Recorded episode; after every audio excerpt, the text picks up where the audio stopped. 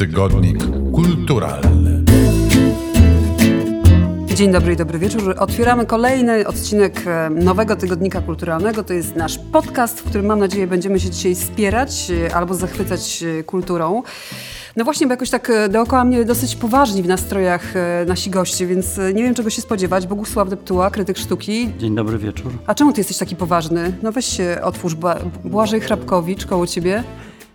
Tak, potwierdzam, siedzimy obok siebie. Ola Salwa, krytyczka filmowa. Dzień dobry. Szymon Kloska, krytyk literacki. Dzień dobry. Adam Suprynowicz jest, ale na razie postanowił e, milczeć, odezwie się we właściwym e, momencie. No nie wiem, czemu jesteście tacy poważni, więc od razu powiem, że ja się raduję, że się spotykamy, że jesteśmy znowu w Centrum Kultury Filmowej imienia Andrzeja Wajdy. To jest nasze zaprzyjaźnione, kochane miejsce. Raduję się także, że po raz kolejny Audioteka jest partnerem nowego tygodnika kulturalnego i żeby was rozruszać, sprawdziłam, trochę pod wpływem płyt, które dzisiaj będziemy omawiać, czy Audioteka proponuje waszym zdaniem jakieś treści treści erotyczne. I okazuje się, odpowiem wam na to pytanie, którego sobie nie postawiliście, że tak, kilka propozycji może was poruszę. Można na przykład poczytać Bursztyn w jego młodych ramionach, to jest e, właściwie posłuchać, świąteczna erotyka. Spróbowalibyście? Oczywiście, dzisiaj wieczorem już. Leszy, demon lasu i córka lisa, słowiańska ekoerotyka. O, jak ekoerotyka, to idę w to. Słowiańska jeszcze w dodatku. Tak, trójkąt jak ze snu. Tutaj mm. mamy erotykę swingerską. Mhm. Widzę, że Boguś się załamał, to poczekajcie. Bezczelny prezes, nie wiem w sumie, czy to jest erotyka, czy to jest Boguś jest bardzo nieśmiały i konserwatywny. Ale...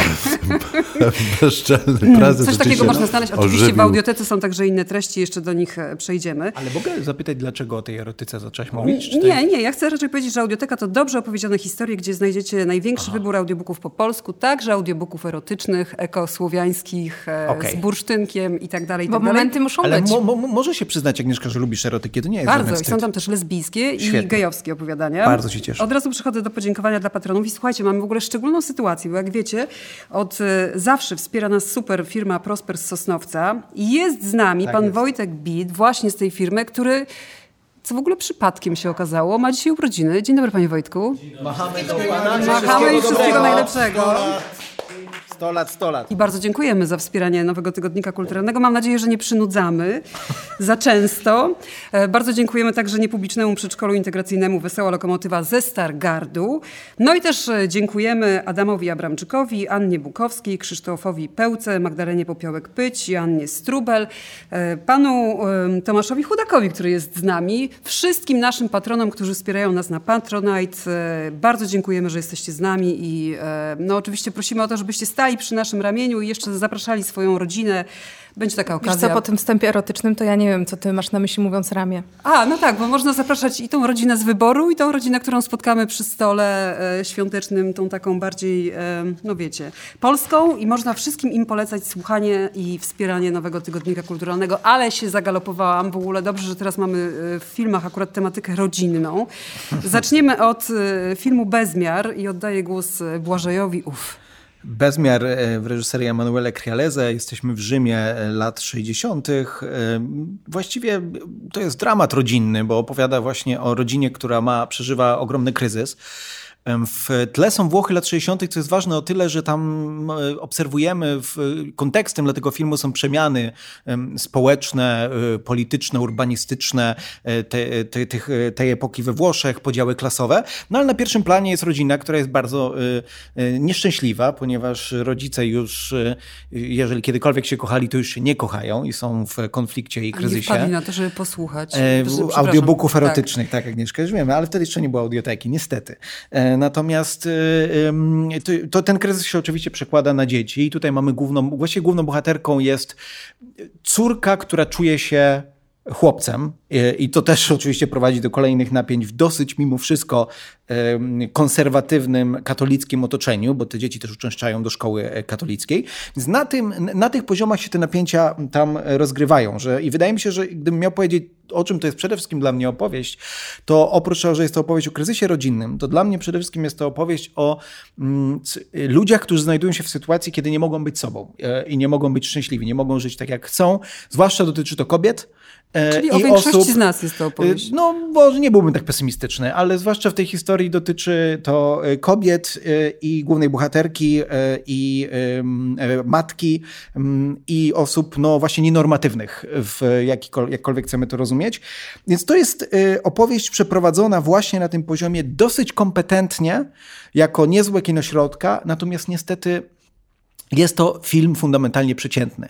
I za każdym razem, to jest w ogóle takie komediodramaty rodzinne, czy dramaty rodzinne, ostatnio było ich bardzo dużo. To, było, to była Ręka Boga, Paola Sorrentina, Fablemanowie, Spielberga. Wszystkie, I cały czas oglądając ten film łapałem się na tym, ale ta scena byłaby dużo lepsza, gdyby zrobił ją Spielberg. Ale ta scena byłaby dużo lepsza, gdyby zrobił ją Sorrentino. Ale Penelope Cruz Brakuje... też przeciętnie? E, nie, no Penelope Cruz jest jak zwykle bardzo dobra. Natomiast problem leży w tym, że y, nie ma tutaj iskry. Nie ma formalnego pomysłu na to, żeby wykorzystać taki język kina, żeby naprawdę ten dramat jeszcze podbić i żeby to była też opowieść ciekawa pod względem wizualnym i filmowym. I to jest właśnie dla mnie największa bolączka tego filmu, że on niestety, niestety jest przeciętny, a bo, bo, y, bo, nie, bo za kamerą nie stoi ktoś o tak y, o takiej filmowej werwie i talencie, jak chociażby wspomniani Sorrentino czy Spielberg. Boguś cały czas kiwa głową, ale no czy tak, jest ktoś, to... Nie, no nie, trochę tego się chyba nie da obronić. To znaczy z całą sympatią na przykład dla mm, aktorskiej kreacji Penelope Cruz, która wydaje mi się tutaj stworzy... znaczy próbowała właśnie stworzyć y,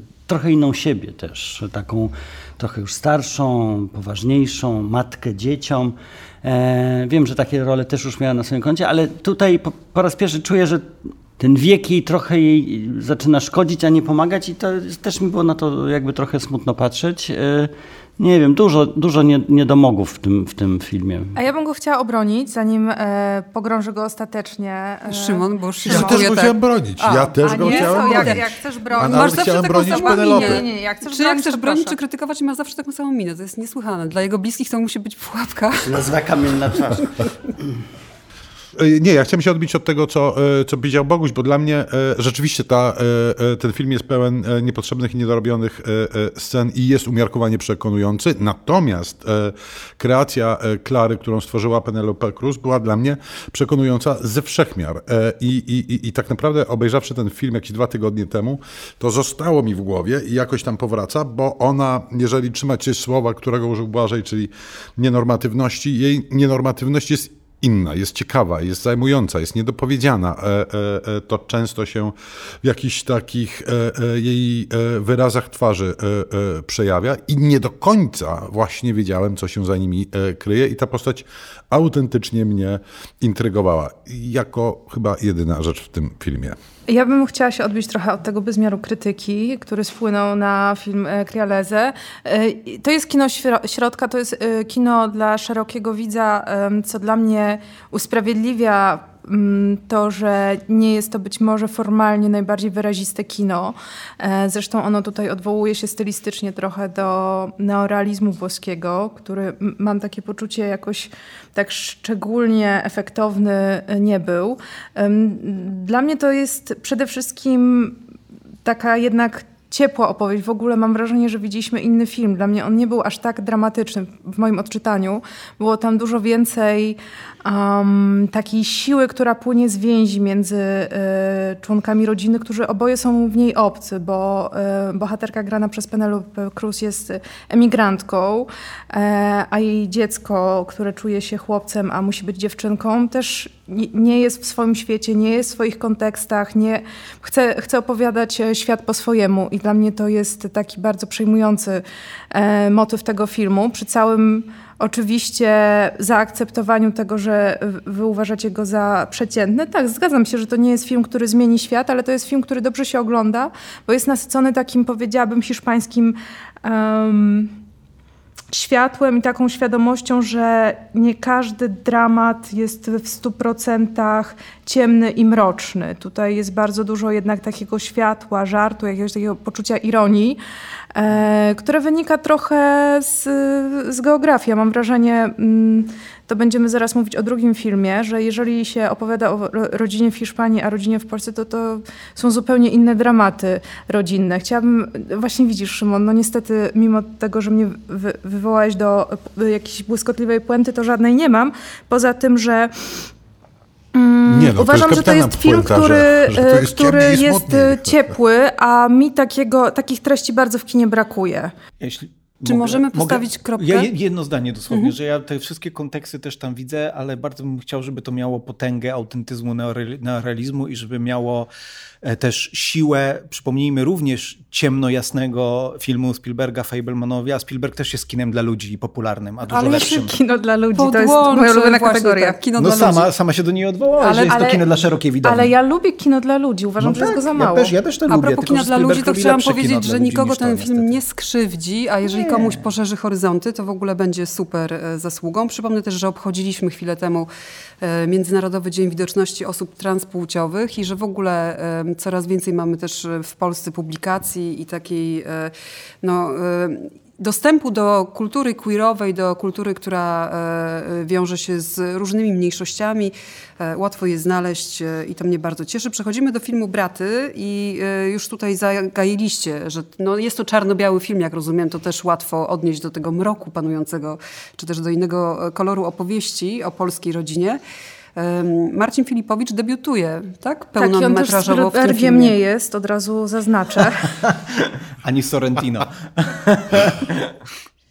E, Dobrze, i teraz już e, wywiązawszy się z jakiegoś tutaj żartu na początek, nie na koniec mojej wypowiedzi, e, chciałabym mówić o tym filmie, który e, należy do gatunku age, czyli takiego ulubionego gatunku, tego młodego reżysera Marcina Filipowicza, który wcześniej zrobił bardzo ciekawe filmy krótkometrażowe, dokumentalne i e, fabularne. E, Dzieje się w środowisku deskorolkowców. Tam mamy no, nie jest to zaskoczenie, dwóch braci, e, którzy mają zupełnie inne podejście do rzeczywistości i mają inne temperamenty. Jeden jest taki em, dziki, zbuntowany, trochę na granicy prawa, a drugi jest taki właściwie cały czas w jego cieniu, więc ta czerni-biel też w tym sensie jest e, uzasadniona.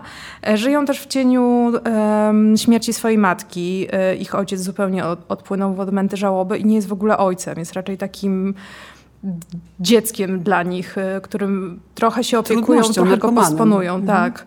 E, I mm, tak jak e, wspomniałam, chciałabym na ten film spojrzeć na, na dwa sposoby. Y, Jeśli chodzi o to, co reżyser chciał zrobić, to znaczy jakich środków użył i jaką opowieść chciał e, nam zaprezentować, to tutaj widzę pełen sukces, dlatego że pracuje bardzo spójnie i konsekwentnie z młodymi aktorami.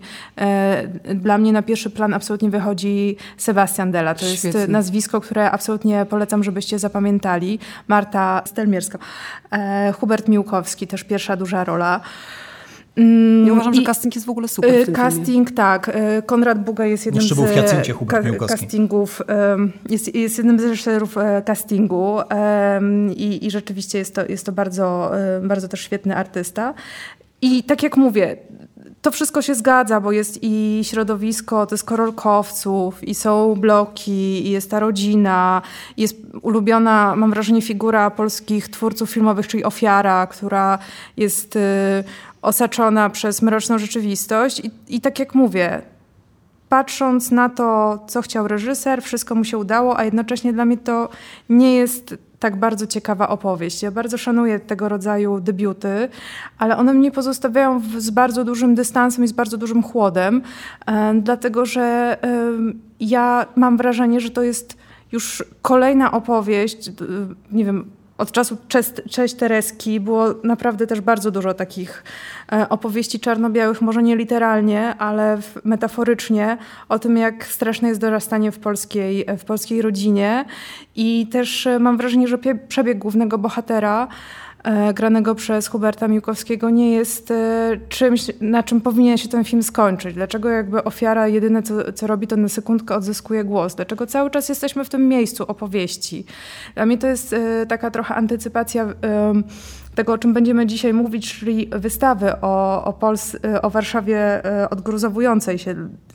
Mam trochę takie zażalenie do polskiego kina, dlaczego my musimy być cały czas w gruzach, w traumie, e, w, w, w czerni. Jak jest biel, to ta biel jest często tylko kontrapunktem dla tej bieli, która musi, znaczy dla tej czerni, która musi być jeszcze bardziej czarna.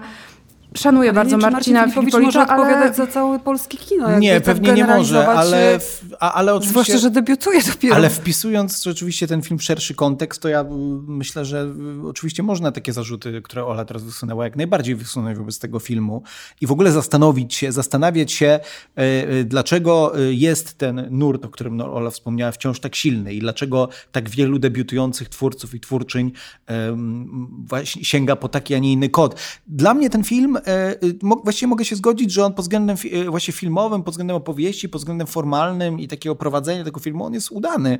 I dla mnie to, co y, w tym filmie, co jest jego główną siłą, to po pierwsze rzeczywiście młodzi aktorzy. Tutaj zwłaszcza wydaje mi się, że y, także biorąc pod uwagę jej inne występy, to Marta Stalmierska Tak, ona jest dostała dla mnie takim... nagrodę między innymi także za tę rolę. Tak, tak, takim objawieniem dla mnie jest to o, o, ostatnich miesięcy w polskim kinie.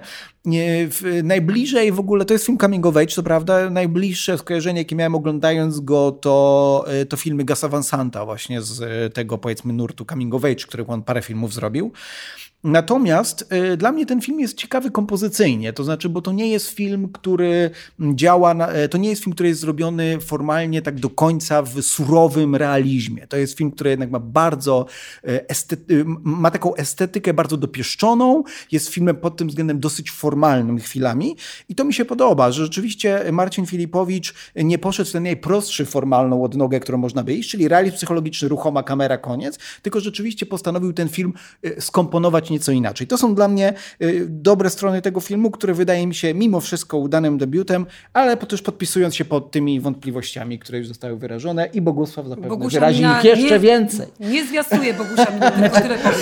Znaczy powiem wam tak, gdyby było tak dobrze jak mówicie, to e, nie przeszkadzałoby wam to, te wszystkie niedoróbki, które są w tym filmie, a jest ich po prostu mnóstwo i to, co powiedziała Ola o tym scenariuszowym nie, nie, takim nie, nie wiadomo końcu, to znaczy nie wiadomo dlaczego ten koniec jest taki, w ogóle czy to jest koniec, tylko, czy po prostu zgasł ekran, e, bo ja nie rozumiem tego końca w żaden sposób.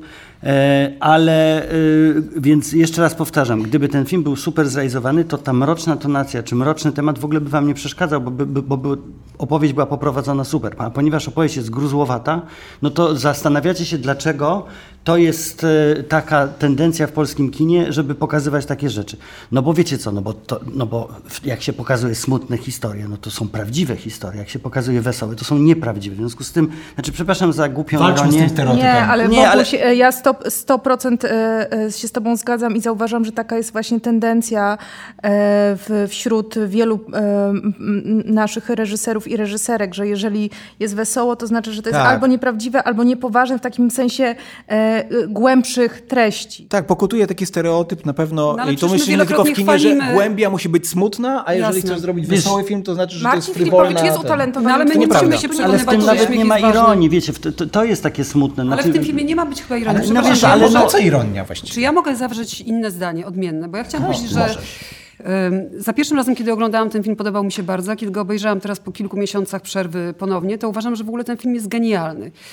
Odbieram ten film bardzo osobiście, dlatego że nie zadaję sobie pytania o kino polskie, tylko o siebie jako rodzica. Dla mnie to jest opowieść z tej perspektywy istotna, czyli takiej wielkiej samotności dzieci, które nie mają w żadnej chwili, czy to mniej dramatycznej, bo nie udało mi się wyrwać e, kogoś, na kim mi zależy, i mega dramatycznej, do kogo się zwrócić. Więc koniec tego filmu dla mnie jest tak czytelny, że właściwie bym go opowiedziała, gdyby nie to, że mam nadzieję, że nasi słuchacze pójdą do kina, więc e, bez sensu byłoby go zdradzać. Ale dla mnie ta samotność i brak, brak matki, brak rodzica, brak e, kogokolwiek e, i rodzina z wyboru, którą staje się ta grupa deskorolkarzy, jakkolwiek banalnie to brzmi, ale wiem, że i w pokoleniu mojego taty, i w pokoleniu moich dzieci właśnie tak zastępowano relacje, których nie było.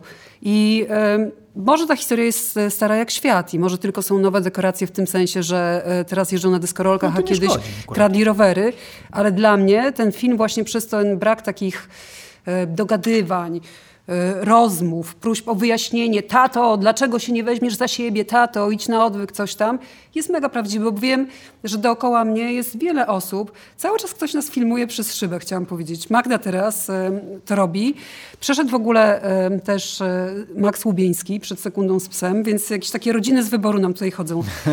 Ja uważam, że ten film nie jest oczywiście miły, ale jest bardzo ważny i uważam, że to jest debiut super spełniony i wydaje mi się, że mi jako rodzicowi on e, no, jeszcze bardziej każe uważać na takie drobiazgi, które łatwo Mm. puszczamy w takim everyday life. Wiesz co, jedno zdanie y, dosłownie odbijając się od tego, co powiedziałeś, że to miałem na myśli trochę mówiąc o kompozycji tego filmu, że ta samotność i ta pustka, którą e, ci bohaterowie odczuwają, jest dla mnie właśnie bardzo w kompozycji wizualnej oddana, że tam nie muszą o tym mówić, tylko reżyser umie to inscenizacją zrobić i to akurat, po- powtarzam, jest dla mnie duża wartość tego filmu, e, który, e, który też koniec końców dla mnie jest udanym debiutem. No to zgadzamy się co do tego, że film jest genialny. Szymon, czy musisz coś dodawać? Nie, nie, nie, nie, nie. To znaczy kompozycyjnie rzeczywiście e, e, e, jest on momentami przekonujący. Ja niestety zgadzam się z Bogusiem, że mamy do czynienia z opowieścią, która jest gruzłowata i dla mnie właśnie fundamentalnie nieprzekonująca. I momentami w ogóle zastanawiałem się, czy odrobina takiego starego, dobrego realizmu by temu filmowi właśnie nie zrobiła dobrze, bo ta historia wydaje się być historią naciąganą, papierową, Boże. starą jak świat oczywiście, ale no właśnie, nie, Nie, to jest, to jest po prostu nie historia dla w tym, że każdego. ktoś traci rodziców. No co, to jest, co tu jest naciąganego? Że Nie. nie potrafi się rozstać, pożegnać. Agnieszka, ja myślę, że trochę o- rozmawiamy o dwóch rzeczach. O tym, jaki ten film jest jako wy- wypowiedź artystyczna i o tym, jak ty odbierasz jako widz, bo ja nie chcę absolutnie negować t, Mam nadzieję. e, twojego odbioru i twoich emocji jako rodzica, ale ja tych kompetencji nie mam i ja patrzę na to jak krytyk. No nie wiem, przywaliłaś, tak powiem, więc Nie przejdźmy do sztuk wizualnych ty nie, teraz. Ty mnie w ogóle nie słuchałaś. Słuchałam ciebie, no. zresztą. Słuchajcie, Słuchałam, no dobrze, ale- Szydłowska nigdy mnie nie słucha. Nigdy. Ja chciałam się pożalić. Patronom też. Nie słuchasz mnie. Powiedziałam, że to jest dobry film, który mnie nie interesuje. O Boże. Przejdźmy może do sztuk wizualnych. Ja Znajdziemy może tutaj coś, że ona nas nikogo nie słucha. Mnie to już na pewno, więc się nie przejmuj. Ciebie to nikt nie słucha, Szymon. Bo ty mówisz tak długo i dużo, że trudno słyszeć każde zdanie, ale przechodzimy teraz do sztuk wizualnych i przenosimy się do, o, do Krakowa, co za koincydencja. Boguś, oddaję ci głos, chociaż Szymon pewnie też ma coś do powiedzenia. No pewnie. Do Muzeum Fotografii podpowiem Tak, wraca, wraca słowo, które, e, które na długie lata, myślę, że co najmniej na kilkadziesiąt lat właściwie wyleciało z użycia e, i autorzy tego, tej wystawy przywracają to słowo, czyli fotografika. To było takie słowo, które miało odróżniać e, fotografię artystyczną, mogąc być złośliwym, można by powiedzieć artystowską, ale oczywiście to nie do końca o to chodziło, ale chodziło o to, że fotografika różniła się od fotografii, miała tą końcówkę związaną z grafiką, czyli z taką sztuką wyższą e, i e, e, autorzy, którzy jakby wpisywali się do tego nurtu, byli kimś lepszym niż zwykli fotografowie. Artysta fotografik. Artysta fotografik, no właśnie, I, i, ale to wiązało się też z tym sp- specyficznym, można powiedzieć, językiem estetycznym, który był w tych fotografiach stosowany. Mm, No, czyli jakaś taka metafora. Czy językami, bo tych języków było to jest wiele chyba, języków, nie? to jest prawda. E, Nie ma jednego dominującego, jest wiele różnych sposobów e, fotografowania i pokazywania tej fotografii, która się, która się bardzo e, różniła. Nie wybrzmiało to na tej wystawie, co, czego właściwie mi bardzo żal, bo to była trochę taka polska specyfika, specyfika polskiego socjalizmu, że z jednej strony mieliśmy ten zadekretowany socjalizm, a z drugiej strony odbywały się wystawy Wenus Polska. E, Od razu myślałam właśnie o nagiej babce, jak mówiłeś, szczerze tak No powiem. tak, no bo Bo to dzisiaj myślisz o Nadałam erotykach. ton, tak. erotyka. Trochę, trochę. e, Ekoerotyka. Trochę, słuchajcie, ta, ta Wenus Polska wyznaczała taki trochę rytm, no bo to się odbywało cyklicznie, wiennego. Wywoływało to jakieś oburzenie starszych pań, które tam jakby były zdegustowane i zażenowane. Bo Przy młode stały i klaskały, nie? E, młode były na tych zdjęciach po prostu, Teraz Agnieszko, mówi się Boguś- tyle. Boguś Stare teraz... narzekały, bo nie O, były na zdjęciach. Boguś, no teraz się mówi kobiety wcześniej urodzone, a nie starsze. Bardzo ładnie powiedziane. Tak usłyszałem. E, No więc, e, mm, no i oczywiście tutaj należałoby wymienić nazwiska mm, artystów związanych z tym nurtem. Zaczyna się bardzo klasycznie od Bułhaka, ale też jest Beksiński, jest Cieślewicz, Dłubak, Hartwig, który tutaj był taką chyba, jak się wydaje, Edward Hartwig, taką główną postacią, Wojciech Plewiński, niesamowita fotograficzka Fortunata Obrąpalska, e, która, która ma swoje naprawdę bardzo e, jakby takie mocne miejsce w historii tej fotografiki. Mm, Wystawa Przypomnienie, wystawa Manifest, bardzo dużo, e, bardzo dużo artystów, bardzo dużo zdjęć, bardzo dużo różnych propozycji. Tak, no jest wesoło, to dobrze. I I y, co jeszcze? No, że, że, że to był taki nurt, który y, żył swoim jakby życiem e, i trochę się nie oglądał na to, w jakiej rzeczywistości żyliśmy. I w tym sensie ta fotografika była czymś trochę takim, można powiedzieć, jakby delikatnie mówiąc, nieprawdziwym. To znaczy e, nie było zdjęć, e, które, które opisywałyby rzeczywistość. Była właśnie trochę taka ucieczka w taki artystowski, piękny świat, w eksperymenty formalne, w mówienie jakby metaforą mówienie nie wprost. No tak, ale z drugiej strony są tam zdjęcia Zafiry Det i, i, i Jana Buchaka, które jednak tę rzeczywistość jakoś tam oddają. I, Jan ja, Buchak jeszcze się pojawi dzisiaj. On się pojawi tak, przynajmniej dwukrotnie Filipie, tak. jeszcze, bo, bo, bo i przy Springerze i przy... Mm, i przy kolejnej wystawie. Natomiast e, ja miałem takie wrażenie, e, bo, bo, bo, bo Gusiu, wrażenie być może barbarzyńcy, ale jednak takie, że im mniej eksperymentu, tym lepiej. To znaczy, tak, im mniej eksperymentu, tym mniej te zdjęcia się zestarzały. Ale też jest niesamowite, że te zdjęcia, których chyba jest mniejszość, o ile dobrze pamiętam, na tej wystawie, które są realistyczne i próbują oddać rzeczywistość, e, oglądane z perspektywy czasu, e, super pokazują to, jak zyskują. bardzo fotografia, zyskują, ale też pokazują, jak bardzo fotografia przekłamuje, nie? jak bardzo jednak jest to dzieło e, osoby, która e, naciska spust migawki. Tylko ja mam teraz pytanie, czy wy polecacie wystawę, czy nie? Bo tak nie złapałam tego nurtu. A ja czy mamy, tak? Nie, no ja też, tylko, tylko pamiętajmy jakby o tych kontekstach, dlatego okay. o nich mówiłem, dlatego że y, może nam się ona wydać dziwaczna, znaczy czy taka trochę niepojęta, niezrozumiała, a to jest e, po prostu obraz pewnej sytuacji, która w PRL-u panowała. Do 7 maja e, ta wystawa jest czynna w Muzeum Fotografii w Krakowie i między innymi z Fortunatą Obrą Palską można się na tej wystawie spotkać. Uch, przechodzimy do Bruno Schulza.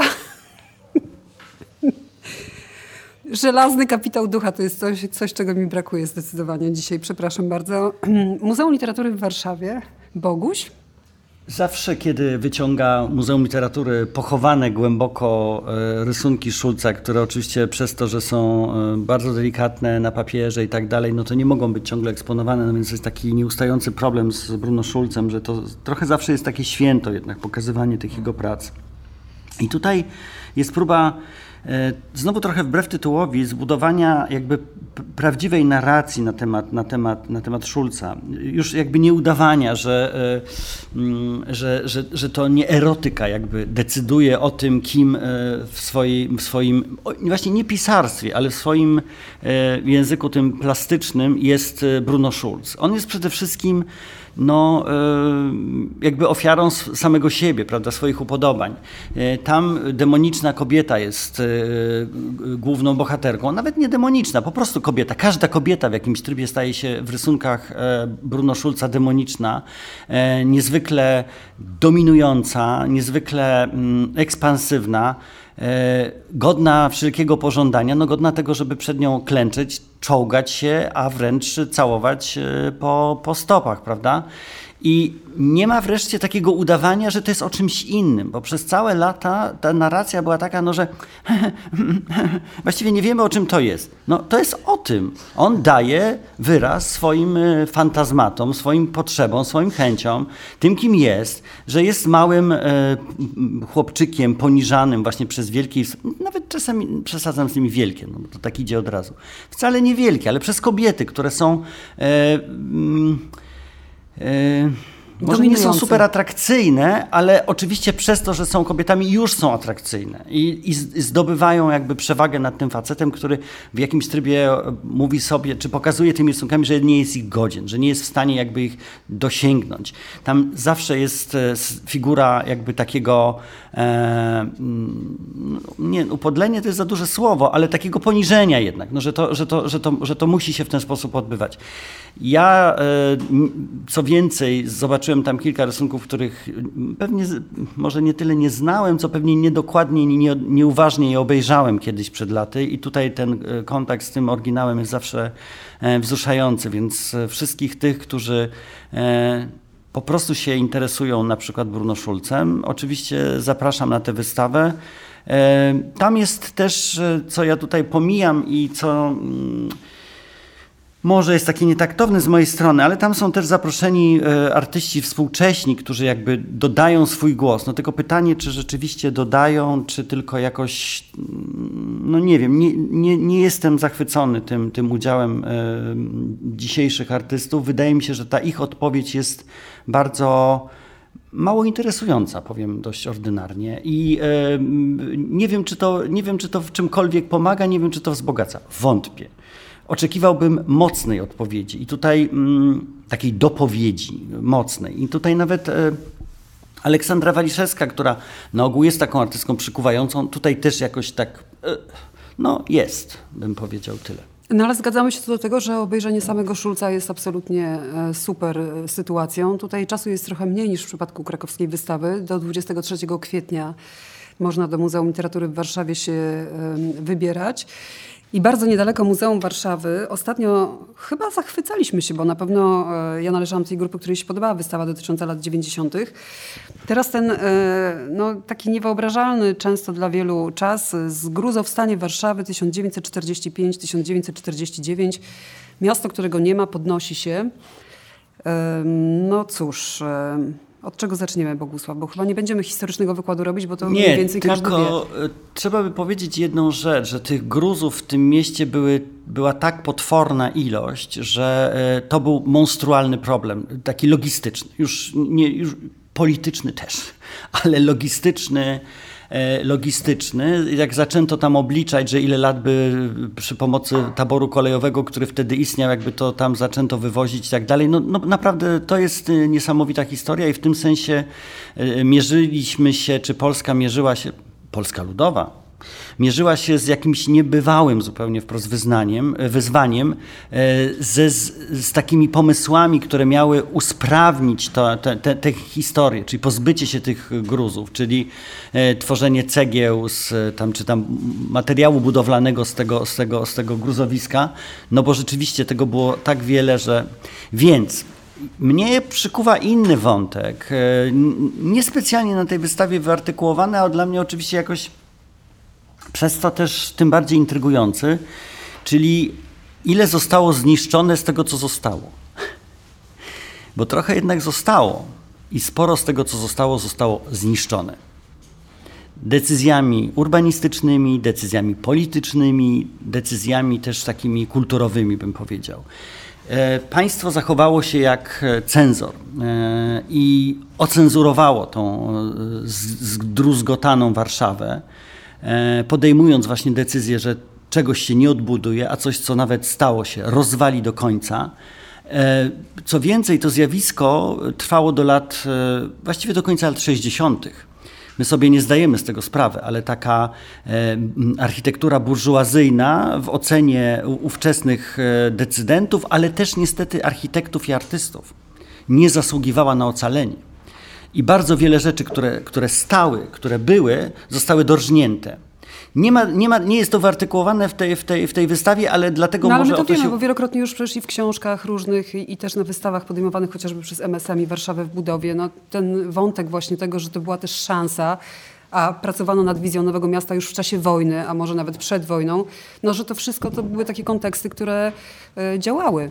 Ja, mi też się zrobiło przykro, jak oglądałem tą ostatnią, jedną z ostatnią planż wystawy, y, gdzie tam był zaznaczony odcinek rzeki Wisły, który był uregulowany za pomocą warszawskiego gruzu tak. i się mi zrobiło po prostu przykro, że ten gruz tam gdzieś trafił do wody. Natomiast e, e, e nie wiem, Bogusławie, co ty myślałeś o mm, e, estetycznych wyborach autorów tej wystawy, bo to mi się bardzo podobało. To znaczy to, że jest to wystawa, która nie ucieka się do jakichś mm, współczesnych wizualizacji, że jest jednak wierna tamtym czasom, że są te artefakty, które są często umiarkowanie interesujące obiektywnie, bo są to kawałki cegły, e, sprawiało, że tą wystawę jakoś bardzo przyjemnie się oglądało po prostu. To jest taka trochę wystawa materiałowa, oczywiście no e, wystawa z tezą, ale wiecie, ja jestem wzruszony oglądając te różne, nie wiem, napisy na cegłach przedwojennych, czy fragmenty potłuczonej ceramiki wydobywanej tak. z gruzów, bo pani konserwatorka dogadała się z panami robotnikami że jak im coś fajnego przyniosą, to pewnie im da na flaszkę, no czy coś w tym rodzaju, tak myślę. Dlatego wiele z tych rzeczy ocalało, mimo że pewnie gdyby nie to, by przepadło. Ja jestem z Warszawy, wiecie, dla mnie to jest jeszcze coś innego. Ja patrzę na to bardzo osobiście i bardzo osobiście przeżywam tę wystawę. Dla mnie to jest jakiś taki wielki fenomen, że, że to miasto jakby jednak z martwych powstało i bardzo jestem tym wzruszony i wiem, że wiem, że Wiem, że zostały popełnione błędy, straszliwe błędy, mówiłem o tym przed chwilą, ale mimo wszystko reasumując, czy podsumowując, czy konstatując, no jest Warszawa, no to jest niesamowite. No. Ale tam... Ja bym chciała też coś dodać, też jestem warszawianką i też bardzo osobiście odbieram tą e, wystawę i, i zgadzam się też z tym, co mówi Szymon, że ona jest taka bardzo prosta w obsłudze, to znaczy tam nie ma takiego, takich popisów kuratorskich, które czasem e, utrudniają skupienie się na merytoryce i, i absolutnie się zgadzam też z tym, co Boguś powiedział. To, co na mnie też zrobiło ogromne wrażenie, to to, że w pewnym momencie te gruzy stały się budulcem Nowej Warszawy. E, że, Bogusiu, nie wiem, e, to chyba było dopiero w trzecim roku odbudowy, kiedy te gruzy i te cegły stały się właśnie budulcem e, do tworzenia nowego miasta. Czyli tak naprawdę status Warszawy jako miasta odbudowanego, czy jako miasta z gruzów e, jest cały czas taki e, zagadkowy, ciekawy i fascynujący. I też myślę, że właśnie w kontekście też tego, jak, jaka jest nasza kultura i o czym ona opowiada, czy ona w końcu wyszła z tych gruzów, czy ona jest w stanie egzorcyzmować te wszystkie duchy, które w tych, w tych gruzach jeszcze tkwią, jest, jest myślę, że interesujące. To był taki pomysł jeszcze formalny, żeby jakby nie ukrywać, z czego te domy zostały zbudowane. I to jest bardzo ciekawa rzecz, bo chciano te, te mielone cegły, z których budowano Muranów na przykład chociażby, bo tam było najwięcej, no bo to jest po prostu dawne getto, więc tam naprawdę nic już nie zostało, kamień na kamieniu. E, ale ludzie się zaczęli bać ludziom zaczęły te, te takie w dziwnym kolorze cegły zaczęły przeszkadzać. Oni, i, I była prośba po prostu o to, żeby to jednak zatynkować, żeby to schować, że jednak to byłoby zbytnie wyzwanie takie na co dzień, przypominanie tego losu, tego miasta codziennego, nieustającego. Więc pomyślmy sobie, jaki to jest jednak w, w tym wszystkim dramat wpisany w, to, w tę historię.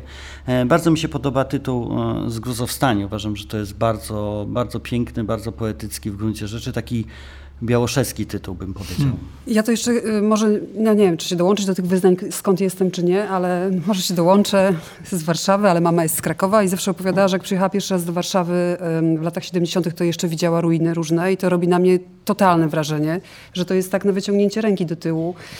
Natomiast to, co chciałam powiedzieć, że nie tylko warszawskie, y, ale też przyjeżdżające z całej Polski gruzy, to jest jeszcze coś, co e, doprawia tą sytuację. Tak, tak. Też jak się te historie w innych miastach e, czyta, prawda, że z Wrocławia jechało e, ileś tam ton do Warszawy, cegieł.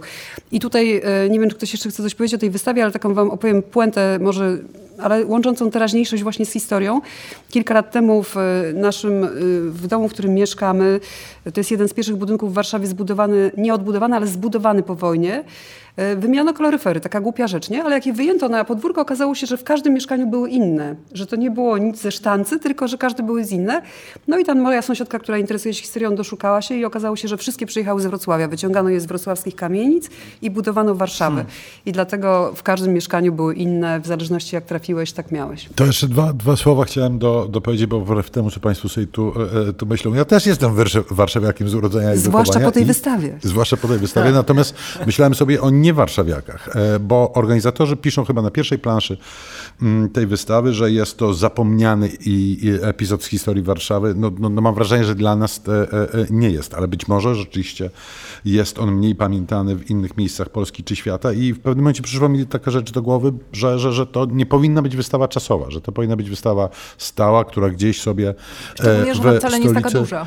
Tak, po prostu wisi, bo nie powiedzieliśmy chyba o jednej rzeczy, to znaczy, że w tych kilku skromnych salach za pomocą map, zdjęć i obrazów jesteśmy też skonfrontowani z jakąś kosmiczną skalą, naprawdę niewyobrażalną skalą wszystkiego, to znaczy skalą zniszczeń, skalą odbudowy, skalą ludzkiego wysiłku i jest to rzeczywiście projekt, który trwał, był to projekt, który trwał e, e, e, dwie dekady, no, no, no, no nieporównywalny chyba z niczym w polskiej historii, tak sobie myślę. No tak, to zamykamy temat e, wystawy.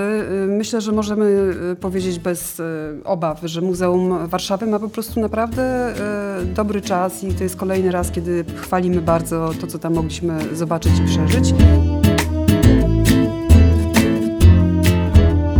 Nowy tygodnik kulturalny. I przechodzimy do muzyki poważnej. Adam Suprynowicz objawił się w Dzień Centrum dobry. Kultury Filmowej imienia Andrzeja Wajdy. Witamy cię gorąco. Jestem. Dzień dobry. Jak się masz? Dobry, dzień dobry. Wiemy, że byłeś na koncercie, Byłem, Na opericie na nawet. operze. byłem na opericie. To E, zaczynamy tak. od e, Teatru Wielkiego w Opery Narodowej i od e, Marii de Buenos Aires. Ja chciałem o niej opowiedzieć, bo y, tutaj jakiś czas temu po premierze w Warszawskiej Operze Kameralnej w 2020 roku bardzo krytykowaliśmy tam to przedstawienie e, Michała Znanieckiego. E, Nieudany spektakl, choć muzycznie ciekawy. E, Spektakl Wojciecha Farugi w Teatrze Wielkim Operze Narodowej e, pojawia się zaledwie po, dwóch, po trzech latach. E, Zdecydowanie bardziej poetycki przy tamtym dość agresywnym wizualnie, e, z przepiękną scenografią i światłami Katarzyny Borkowskiej, która odgrywa tutaj bardzo ważną rolę. Spektakl inspirowany, jak twierdzi Faruga, filmami Alejandra Chodorowskiego i Dzieckiem Rozmary Romana Polańskiego, które tutaj jest takim punktem odbicia e, całej fabuły spektaklu. E, Zresztą Faruga deklaruje, że nie będzie, deklarował przed premierą, nie będziemy udawać tańczenia tanga i rzeczywiście tanga na scenie e, tańczonego nie ma, ale cały spektakl jest spe spektaklem tanecznym i choreografia Krystiana Łysonia jest głównym takim nośnikiem fabuły. E, bardzo ciekawe rozwiązanie e, postaci Duende, który jest takim narratorem tej całej opowieści o kobiecie e, gdzieś urodzonej w, na nizinach, gdzieś w złych dzielnicach Buenos Aires, urodzonej, kiedy Bóg był pijany. I Duende jest takim włóczęgą. Jest to rozwiązanie dość e, kontrowersyjne jak na operę, bo e, gra tę postać Damian Kwiatkowski, aktor Teatru Polskiego w Bydgoszczy. E, Ale to rzeczywiście zmienia nieco wymowę tego spektaklu, ponieważ Rzeczywiście w, w centrum całości staje Maria, a nie mężczyźni, którzy o niej opowiadają. I e, Maria okazuje się kobietą silną, nie okazuje się, nie zmartwychwstaje jako Maria Magdalena oczyszczona z grzechów. Nie, ona po prostu staje się kobietą dojrzałą, świadomą i zaczyna e, być osobą rozgrywającą finale. E, Więc jest to rzeczywiście zupełnie nowe odczytanie i bardzo ciekawe. Natalia Kawałek, e, która śpiewa główną rolę, porzuca operową emisję, znajduje ciemną stronę swojego mezzosopranu. E, Chociaż poczekaj, poczekaj, poczekaj, jest... jeszcze raz. Porzuca operową emisję i znajduje ciemną stronę swojego mezzosopranu. Ładnie to ale powiedziałem, świetnie, prawda? No. Nie wiem, o co tak chodzi, z ale- głowy to tak. Ale wszyscy będą udawać, że zrozumieli. Dobrze, to powiem inaczej. E, Nie, to było świetne. Nie, to było piękne, nie trzeba Pozostańmy przy tym, że porzuca, y, porzuca tę operową emisję i rzeczywiście y, śpiewa bardzo ciemnym głosem. Dość niska jest ta partia jak dla niej, więc y, chwilami sprawia wrażenie pewnego wysiłku, ale w zasadzie mi to zupełnie nie przeszkadza. Jest tak silną postacią sceniczną, że y, należy pójść, oglądać ją, oglądać całe to przedstawienie. E, No, problem tylko taki, że ono jest wystawiane w sali e, Młynarskiego na górze e, w Teatrze Wielkim Operze Narodowej, gdzie jest maleńka widownia. Nie opłaca się wystawiać spektakli, więc trzeba po prostu polować na te bilety. Teraz będą trzy spektakle w tym sezonie, nie wiem jak będzie w następnym.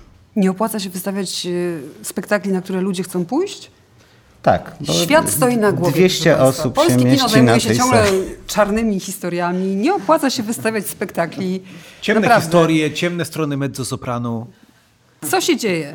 Może zanurkujmy w przeszłość i tam się okaże, że kiedyś wszystko było lepsze, muzyka była piękniejsza. Tak, na przykład gruzy były. Jeżeli tak. teatr i film weźmiemy pod uwagę, Kiedyś to były czasy, dzisiaj nie ma czasu. Kiedyś to o, było wszystko, Nie ma tak. dzisiaj czasu, dokładnie. Tak. Wrzucam wam Zygmunta Koniecznego, e, muzyka do teatru, muzyka do filmu. E, no, to jest takie wydawnictwo solidne, które zainteresowało pewnie nie tylko ciebie i Szymona Kloskę, bo wiadomo, że mieszka w Krakowie. Nie, ja się nie odezwę. Ale nie odezwę się ani Ale na gruzach Warszawy. Dobrze, ale zaczynamy. Zaczynamy od Serce moje gram. No żartuję, zaczynamy o, o, o Zygmuncie Koniecznym opowieść od pierwszego utworu na płycie. Omówmy wszystkie, tak. proszę bardzo. Serce moje, no to, rzeczywiście, no, gdzieś w moim sercu bardzo głęboko jest Zygmunt Konieczny, muszę przyznać, więc nie, nie, nie będę tutaj udawał, że będę bardzo krytykował Ale w tej wersji, czy wersji, wersji Piwnicy pod Barnami? Tan, tan. E, w każdej. W każdej. W każdej. Wydaje mi się, że Zygmunt Konieczny jest kompozytorem, jednym z najbardziej niedocenianych polskich kompozytorów, jako twórca muzyki instrumentalnej, muzyki teatralnej y, głównie i filmowej y, oraz autonomicznej, bo i takie utwory pisze. Tutaj y, mamy przekrój wydany w serii Muzyczny Ślad Krakowa, o której już mówiliśmy, bo rozmawialiśmy o muzyce teatralnej Krzysztofa Pendereckiego, która się ukazała w tej serii. Tutaj Akademia Beethovenowska wykonuje utwory Zygmunta Koniecznego, bardzo różne z bardzo różnych okresów i e, to jest bardzo ciekawe w tej składance, że ona daje pełny przekrój i e, w pewnym sensie e, przeczy takiemu takiej obiegowej opinii, że konieczne to zawsze to samo bo on rzeczywiście się e, posługuje pewną bardzo wyrazistą techniką pisania, e, powtórzeniem, redukcją, pauzą, ciszą. E, porównywane jest to do minimalizmu amerykańskiego, chociaż to troszkę inne korzenie ma, ponieważ chodzi tutaj o emocje, a w minimalizmie raczej chodzi o grę z percepcją. Jest to styl indywidualny, niepodrabialny i wydaje mi się, że on jest na, na tyle wyrazisty, a z drugiej strony pojemny, że nie wiem, y, nie wiem jaką, jakie macie wrażenia po tej płycie, ale mnie się wydaje, że ta płyta jest zajmująca. Mówimy o różnych wersjach Zygmunta Koniecznego i nie wiem skąd wzięło się to przekonanie, że gdzie ono istnieje, że właściwie to wszystko, że on nie jest różnorodny, bo nawet jeżeli spojrzymy z punktu widzenia mojego na jego muzykę filmową, bo moim zdaniem to jest jeden z najlepszych zdecydowanie kompozytorów muzyki filmowej w historii kina polskiego, no to, to, nawet na tej płycie, jeżeli porównamy mu, jego muzykę z Jak daleko stąd, jak blisko Tadeusza Konwickiego do fenomenalnego zupełnie od strony melodii, motywu do pornografii Jana Jakuba Kolskiego, który wydaje mi się jednym w ogóle z najlepszych motywów muzycznych w polskim kinie kiedykolwiek napisanych, to, to, jest, to są bardzo różne, bardzo, okej, okay, ma, on ma swój styl, to prawda, ale to jest bardzo różny tutaj, różne, konwen różne konwencje tutaj są uruchamiane. I one odpowiadały mm, zarówno temu bardzo temu e, poetyckiemu, e, nowofalowemu stylowi filmowemu Konwickiego, jak i e, temu, co proponował w swoim kinie Jan Jakub Kolski. I myślę, że konieczny jest jednym z tych kompozytorów filmowych, który którego muzyka właśnie zarówno fantastycznie dopełnia film, ale też pomaga reżyserom zbudować nowe znaczenia, co, co działa samodzielnie. To, y, to, nie zawsze jest, y, to nie zawsze jest regułą w muzyce filmowej, więc z tego punktu widzenia y, rzeczywiście dla mnie ta, no, ta płyta jest, jest bardzo dobra. To jest, to jest dobre wykonanie muzyki filmowej i nie tylko. Rzeczywiście jednego z najlepszych kompozytorów pracujących w polskim kinie. Tak, ja się absolutnie zgadzam z Błażajem. E, gdyby ten odcinek podcastu był na, nagrywany, to byście widzieli, jak ja tak się kiwam jak chińska laleczka i też absolutnie mamy ten sam tutaj gust, jeśli chodzi o melodie e, i motywy e, koniecznego. Pornografia to jest rzeczywiście jeden z moich ulubionych e, I motywów się muzycznych. kończy tą melodią, więc tak, chce się ją spuścić od początku. I właśnie, tak, tak, tak, tak, tak. I właśnie chciałam zwrócić na to uwagę, że nawet jak konieczny jest taki, powiedziałabym, bardziej optymistyczny, czy tam w tym swoim mezzosopranie jest y, bardziej jasny niż ciemny, y, to on ma w taką y, niesamowitą melancholię w każdym utworze, w którym, e, w którym go słyszy, który skomponował.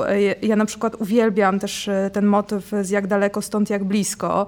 Ja na to mówię takie metafizyczne zagięcie, to co on robi, że on pokazuje, że jednak jest jakiś ten świat pod i to, co jest niesamowite, co chciałabym bardzo podkreślić, że on jako e, kompozytor e, muzyki filmowej pracował z silnymi osobowościami, a jednocześnie jego muzyka też była silna, też była wyrazista, a nie przykrywała filmu i nie dała się filmowi przykryć. Ja tylko jedno zdanie, jeśli się mogę, ja tylko a propos, a, tak, a propos te, tego motywu do pornografii, odbijając się od tego, co Ola powiedziała, że jest y, niesamowite, jak ta melodia, która właśnie z jednej strony wpada w ucho, jest, ma jakiś taki, no, y, jest, y, ma jakiś element radosny w sobie, jak każda melodia, która wpada w ucho, ona jest podszyta właśnie smutkiem i melancholią i od razu ewokuje to, co jest i w pierwowzorze literackim e, Gombrowicza i w filmie też e, Kolskiego. Napisać taką melodię to jest wyższa szkoła jazdy. Absolutnie. Trudno mi się, trudno mi polemizować z tym, co powiedzieć. Prawie Bardzo jakbyś nagrał tę płytę, bo ja chciałam na przykład powiedzieć, że e, jakby szanując ten kontekst filmowy i jasne, że on jest obowiązkowy, ja słuchałam tej płyty kompletnie w oderwaniu od niego i nawet sama się zdziwiłam, że mi się to zdarzyło, ale włączyłam płytę przez to, że ona jest nagrana właśnie przez jednego wykonawcę, że to nie jest składanka dosłownie, że nie dostajemy tych wykonań, które były wykorzystywane na potrzeby filmów. Stworzył się z tego jakiś taki wspólny nurt e, muzyki, i ja serio już e, po kilkunastu minutach byłam oderwana od skojarzeń i słuchałam tego jako płyty z muzyką współczesną i to było bardzo dobre. Tak, Zgadzam i tu się. wychodzą twoje krakowskie korzenie, bo rzeczywiście my chodzimy sobie po plantach i po rynku, pogwizdując koniecznego, nie pamiętając o kolskich i całej reszcie. No rzeczywiście są to po prostu fenomenalne melodyjki. Natomiast e, ja próbując to jakoś na siłę e, e zrymować z czymś innym muzycznym, a laikiem jednak e, e, będąc, jeżeli o muzykę chodzi, to też mi przyszedł ten amerykański minimalizm do głowy trochę, a przede wszystkim e, Najman, czyli jakiś taki najbardziej melodyjny z minimalistów i tak sobie myślałem, że, mm, że coś tu być może jest na, e, jest na rzeczy. Ale tego, e, e, i tu podpisuję się po tym, co powiedziała Agnieszka, po prostu się kapitalnie słucha. Szymon, jak następnym razem, kiedy będę w Krakowie i okaże się, że na plantach nikt nie pogwizuje koniecznego, to będę bardzo rozczarowany i wrócę do ciebie. Jak, jak wrócę dziś wieczorem, zacznę chodzić tą osobą, i będę bez.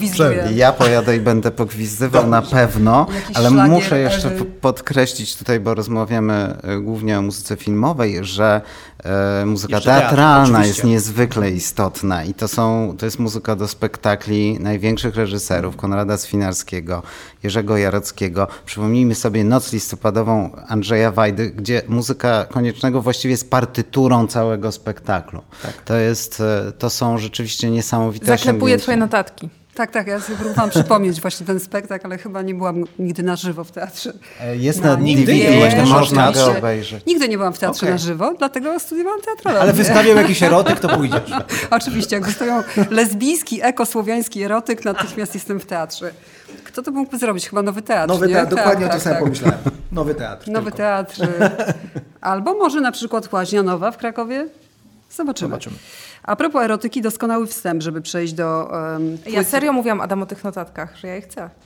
tak, więc tych nie wyrzucaj.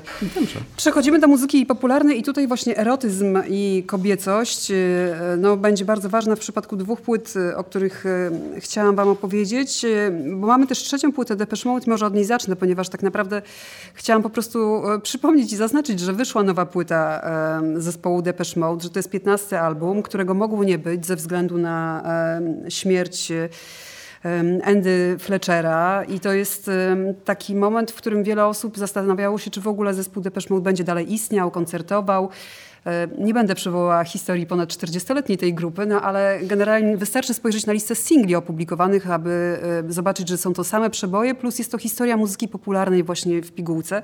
Oczywiście e, najfajniej byłoby posłuchać całych płyt, więc nie wiem, czy wam się to Depeche Mode w tej wersji e, podoba. E, ja mam takie mieszane uczucia, bo dla mnie to brzmi po prostu jak płyta Depeche Mode e, z kilkoma no właśnie, dobrymi to jest nowa, stara utworami. Płyta tak, Mode, tak bym że bardzo dużo tam jest takich sentymentalnych a... tak, nawiązań. Natomiast no, chciałam zaznaczyć, że jednak jest to zwycięstwo ponad trudną sytuacją i jest to też jakiś taki przypadek, w którym e, no nie mam wrażenia, że jestem w jakimś muzeum figur woskowych, a miałam takie wrażenie oglądając Depeche Mode kilka lat temu na żywo. Myślę, że jeżeli ktoś szuka, ma nadzieję na jakąś redefinicję Depeche Mode i ich stylu muzycznego, to, to, to oczywiście nie. się zawiedzie, jasna mhm. sprawa. Natomiast ma, tak, to, to oczywiście to można, e, to e, można tę płytę czytać w kluczu nostalgicznym, ale myślę, że jej, jej siłą jest to, że nie tylko. Że oczywiście oni pozostają w, e, w, powiedzmy w tym stylu muzycznym i w tych dźwiękach, które, z których ich znamy, natomiast nadal robią to bardzo dobrze.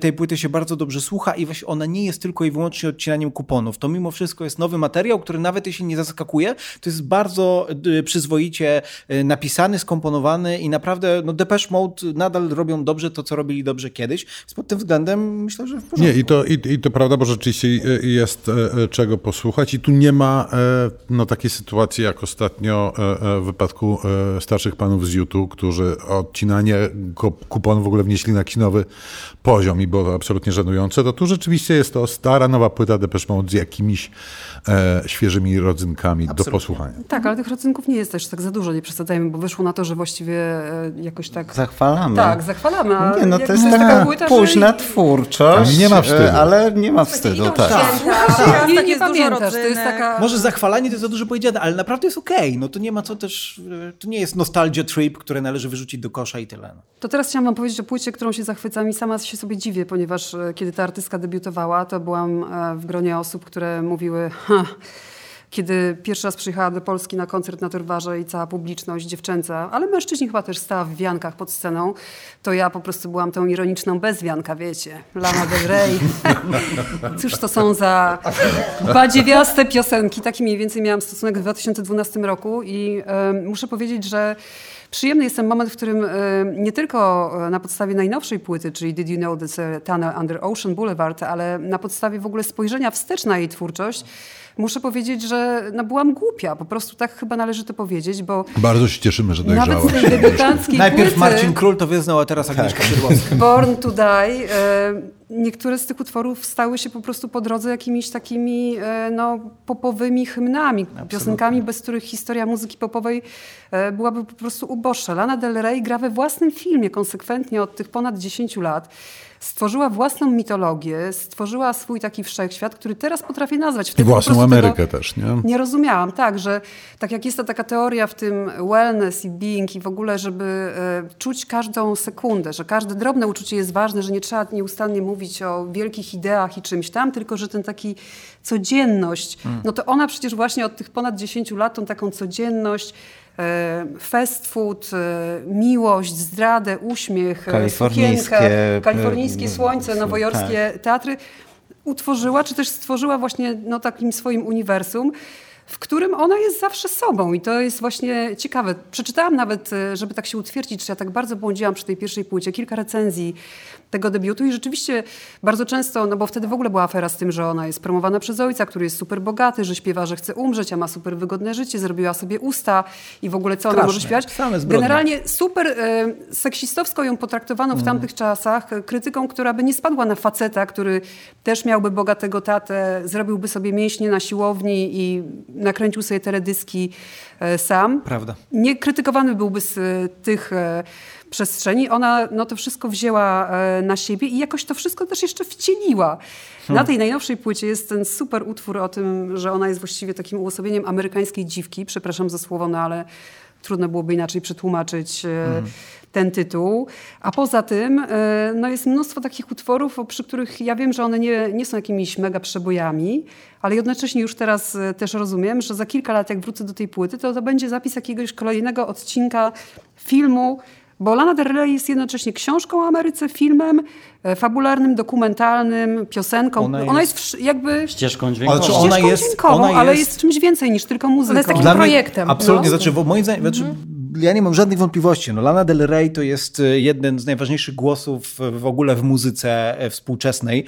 I kiedy sobie. I ona nie tylko jest e, piosenkarką, muzyczką popową, ona wpada w tę kategorię singer-songwriter, bardzo amerykańską, że jeżeli, sobie, jeżeli ją postawimy obok um, takich twórców jak Bob Dylan, jak Bruce Springsteen, to znaczy ludzie, którzy utworzyli swój, swoje własne autorskie uniwersum, które rządzi się swoimi zasadami, zasadami i którzy stworzyli kronikę też Ameryki, połączoną z własnymi osobistymi doświadczeniami. Ona gra w tej lidze dla mnie. To właśnie w tej lidze, co ci no, legendarni artyści. I właśnie I dla mnie jest krytykowano ją z kategorii, przepraszam, że ci wyszłam słowo, bo to mi przypomniałeś, e, takich feministycznych, a ja myślę, że ona właśnie tą taką zwyczajną e, kobiecość, nie, tra, nie z transparentu, podniosła do rangi w Absolutnie. ogóle czegoś takiego, że No, jest to teraz za każdym będzie razem naturalną boskie. kandydatką do Nobla literackiego. Boguś, no wiesz co, dobra. Już czuję twoją Boguś twarz. kończy, Boguś kończy udział w programie. Nie, e, ja tylko Nie, chciałem ja powiem dokończyć coś, tylko, jak ty ale, skończysz. Tak, tak, ja tylko chciałem jeszcze dopowiedzieć, że oprócz tego, że ona dla mnie jest właśnie w tej lidze, co wymienieni twórcy, ze względu na to, na czym jej twórczość polega, to y, ona też pod względem muzycznym to jest bardzo oryginalna i y, ta płyta y, jest taka, tak, tam jest taka zmyłka, bo ona się zaczyna utworem, który rzeczywiście jest bardziej melodyjny, jest świetny, jest takim bardziej naturalnym kandydatem na singla, a potem nagle zaczynają się eksperymenty. Zaczynają się utwory, które są połamane, pogięte, nieoczywiste i to jest w niej świetne, że ona... Jakieś takie niedorobione, Tak, niedokończone. tak, ale to, jest, ale to jest bardzo ciekawe, więc ona naprawdę jest, mm, jest moim zdaniem znakomitą, współczesną To artystką. należy jeszcze do klubu ja i Błażej i Ola, czy... Nie, ja chciałem powiedzieć, że różnica między mną a tobą jest taka, że ja od początku słuchałem Lany Del Rey z wielkim znaniem i zachwytem. się wcześniej. Właśnie- tak, Znałem tak. się od razu. Ja, ja, ja też bardzo lubiłem Lanę Del Rey od początku, ale y, i dlatego troszeczkę tęskniłem za jakimś y, przebojem tutaj na tej płycie. Tutaj No tak, raczej tutaj pewnie czegoś nie ma. nie będzie. To jest taka płyta dość senna, bym powiedział, e, taka No do jest Myślę, to- że ona słuchania antycypuje to, że wieczorem. nadeszły czasy bez przebojów. I- Może tak, I mówię może to tak. bez przekąsu, e, bo Lana Del Rey dla mnie jest taką figurą, która wyprzedza swój czas i opowiada o emocjach, które które stają się czytelne dopiero po latach. I, I to by tutaj też trochę... e, Mhm. świadczyło o tym, że ona nie chce być w tym takim e, wyścigu na single, bo na tym teraz wszyscy mówią, prawda, że świat polega na singlach, a nie na płytach. I ona jakby robiąc tę płytę w ten, a nie inny sposób, właśnie Nie, bez ona ma przeboju, album, ona jednak albumy wydaje. z tymi Właśnie brudami. Ona myśli Ona albumami. wydaje albumy. Myśli albumami. Ona pisze duże album powieści. bardzo, tak. Tak, Duże natomiast amerykańskie to, powieści. co, to, co powiedział Adam, chyba warto podkreślić, bo rzeczywiście ta płyta momentami może być wyzwaniem dla ludzi nadpobudliwych, być może z niezdiagnozowanym No tak, nie ADHD. rzeczy, tak. rzeczywiście Ale ta mówisz o sobie, mimozowatość... Czy o jakichś takich... Nie no, o sobie oczywiście. Chodzi po plantach i Tam- dwiżdże To tylko pytanie, pytanie dlaczego nie zdiagnozowane? Ta mimozowatość e, e, Lany Del Rey na tej płycie potrafi być momentami dojmująca, ale, ale jest to rzeczywiście przyjemny kawał muzyki. No dobrze, to ciekawa jestem, co teraz powiecie. Wyrwałam e, Babilonowi z gardła płyty Doroty. Dorota pisana e, dużymi literami, drukowanymi literami, czyli e, nowy pseudonim muzyczny Doroty Masłowskiej, która, przypomnę, zadebiutowała płytą Mister D, tak wtedy nazywał się jej projekt, więc ta płyta pod tytułem Wolne nie jest No, kontynuacją. korekta, to nie był debiut, bo wcześniej był legendarny Pałac Wujka Leszka. Tak, ale ja mówię o płycie. Mówię posługując się językiem nas, specjalistów od muzyki. Dobrze, przepraszam. Ale zostałeś zniszczony. Końcu za ciebie, Ty dos- on dostał za to, co ja dostałam od ciebie. Boże, mściwe baby. Ale Mr. No dobrze, D, dobrze. Mr. D to była taka e, płyta, koncept, gdzie Dorota jednak korzystając bardzo z tych swoich doświadczeń em, literackich, po prostu wymyśliła sobie em, kilkanaście bohaterek, bo w każdym z tamtych utworów, no nie wiem, czy je pamiętacie, czy nie, no ale ja generalnie bardzo lubię tę płytę i wracam czasami do e, płyty Społeczeństwo jest niemiłe. E, Bohaterką była inna kobieta. Jedna z nich e, była nimfetką z Lizakiem, która się kąpie w wannie w hotelu pokoj- pokojowym z Ryszardem Kaliszem. W innym była jakąś matroną, która gdzieś za chwilę zatruje się e, siarką z zapałek i siedzi gdzieś dookoła dżungla i ma na sobie czarną żorżetę. No generalnie strasznie dużo tam się działo w tej warstwie takiej wyobraźni i to była taka płyta wcieleniowa. Muzyka temu towarzyszyła. No i po wielu latach Dorota wraca do e, wydania płyty. Najpierw wydała singiel e, Motyle. Dostała wielkie zruganie ze świata rapowego, że co to jest, co tutaj się wydarzyło. Dostała wielkie zruganie e, ze świata dbającego o standardy wyglądu, bo w teledysku obfitych kształtów dziewczyna tańczy. No a wiadomo, że dziewczyna nie może być obfita. I jeszcze takie komentarze w stylu niedoceniające roboty Aleksandry Terpińskiej, no, która dzięki magii filmu zamieniła ciała po prostu, więc były też bezpośrednio dotyczące Doroty, że Dorota taka zawsze się wydawała z twarzy szczupła, a tutaj się okazuje, że jak wysiada z samochodu w teledysku, to nagle jest taka dużo, dużo większa. No więc singiel e, cieszył się, powiedziałabym, e, gorącym przyjęciem, jeżeli chodzi o tych, którzy uważali, że Dorota chce rapować. No i teraz e, jest płyta, płyta wolne i muszę wam powiedzieć, że dosyć długo dojrzewałam do tego albumu.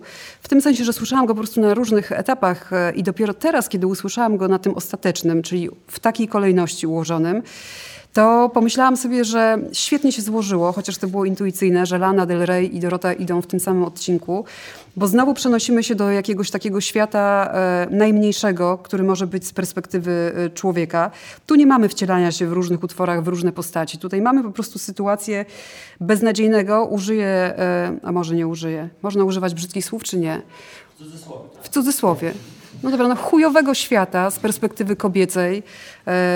Ta opresja nie jest nazwana, no ale myślę, że w przypadku, no, tak jak tutaj siedzimy i też e, świata Doroty Masłowskiej, nie musimy nazywać tej opresji, żeby poczuć e, wspólnotę e, gdzie właściwie jedynym oknem na świat staje się miłość, a ponieważ płyta zaczyna się od utracenia tej miłości, od tych takich gasnących emocji i odejścia, i potem e, jest przejściem, to nagle się zorientowałam, że ta dziewczyna nagrała coś, pewnie będzie protestować, jak to usłyszy, jak koncept album. Album taki właśnie skupiający się na tym, że e, tracąc miłość, chyba najważniejszym zadaniem e, jest jej odzyskanie i że tylko w tej miłości można się schować i że to jest najważniejszy projekt na świecie, nie wszystkie inne nagradzane e, uznaniem, nagrodami i opiniami. Coś, co jest wstydliwe, co, czasami wymaga erotycznych gadżetów, coś, e, co e, no, no, nie jest rzeczą do opowiadania. I tutaj wracamy do tej Lany Del Rey, że to nie są, że to jest właśnie ta taka zwyczajność, ale ona jest przecież naj większa, Boże, już zaczynam latać. Więc y, ja wam, niezależnie od tego, co powiecie za chwilę, chciałam powiedzieć, że y, nie wiedziałam, w którą stronę w ogóle to wszystko muzycznie pójdzie i y, wiedziałam tylko, że to na pewno nie będzie ciąg dalszy tego, co było na płycie Społeczeństwo jest niemiłe. A teraz widzę, że świat jest mega niemiły, natomiast zupełnie inaczej Dorota na to spojrzała. I chociaż za mało pewnie powiedziałam o partnerach w tej zbrodni, czyli producentach tej płyty i tym wszystkim, co tam się działo, to pewnie jeszcze będzie czas, żeby um, kiedyś opowiadać, bo teraz chciałabym zachęcić wszystkich, żeby 21 kwietnia odpalili ten album, bo jest tam kilka takich rzeczy, które nawet wynotowywałam sobie słowa, tak bardzo mi się spodobały, a już wiosna to wojna, czyli utwór, który zamyka tę płytę. E, no taki o zwycięstwie trochę, bo teraz przyszła wiosna, patrzę w słońce, jestem radosna, e, przyszła wojna, zabiłam ich i jestem spokojna. No nie wiem, no. Bardzo mi się podoba ten album. Ale to na tej płycie y, całkiem sporo muzycznie się dzieje. To jest bardzo ciekawa płyta pod, pod względem dźwiękowym. Przyznam szczerze, że wolę jak Dorota rapuje. E, uważam, że e, ona ma taki dar dotykania, to pewnie banał, no, dotykania prostymi słowami, bardzo e, gdzieś blisko emocji, takich codziennych emocji naszych. I tu jest też wiele cytatów, jeszcze o tym nie powiedziałam, z popkultury, nie? Z tak. piosenek, to tak, tak dosyć tak, perła na dnie i tak, tak dalej. Tak, tak, tak. E, I e, to się świetnie sprawdza w piosence po prostu, a, a rapowanie jednak służy moim zdaniem Dorocie. Nie jestem, nie, nie znam Musisz się na tym, raperom i kto robi to rapu. wybitnie, kto robi raperzy, Jeżeli słuchacie nas, to Adam Suprynowicz wam właśnie powiedział. No to jest koncept album, dlaczego nie? No co w tym złego? No jest właśnie, Dorota zawsze myśli jakoś tak całościowo i podchodzi do, do, do świata bardzo... Yy, jakby z niezwykłą uwagą i cały czas ten świat podgląda, podsłuchuje, e, przenosi to do, swojej, do swojego pisarstwa, przenosi do swoich piosenek.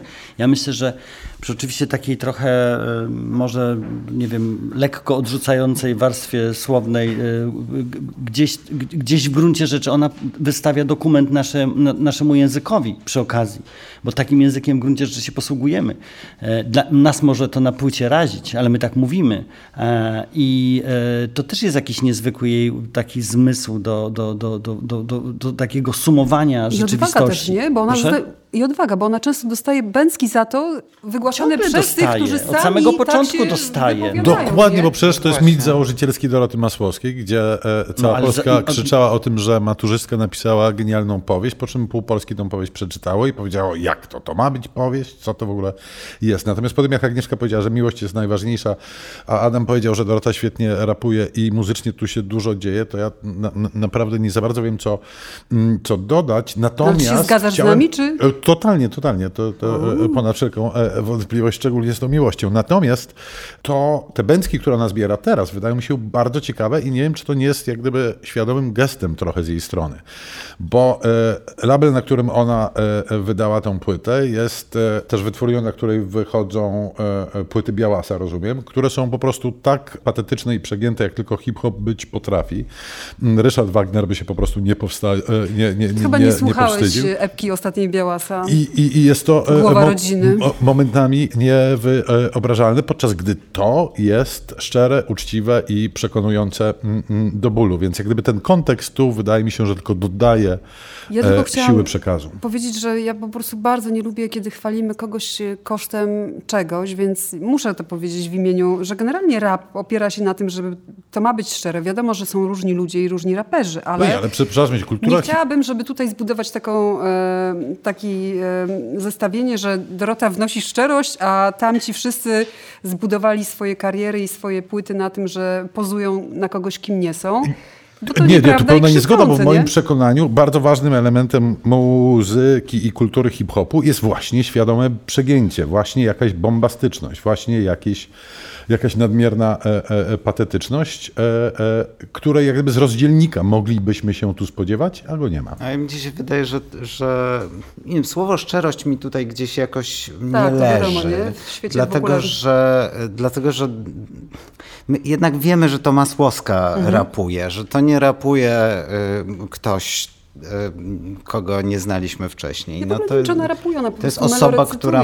Tak, To jest osoba tak. rapująca. Jest Osoba, osoba która ma rapująca. swoją, ma swój wizerunek, ma swój, swój język, który znamy skądinąd, prawda? Więc nie, Tak. nie, nie, nie próbujmy nagle usłyszeć jej zupełnie... Ale tak jak ona przy okazji tego, y, tej nagrody Kreator Kultury ze sceny podczas paszportów polityki i potem też w polityce to powiedziała, tak podkreślając, że ona jest artystką, a przez wiele lat chciała być artystą, czyli że jest pisarką, a kiedy zaczynała, to zależało jej na tym, żeby mówiono o niej, że jest pisarzem.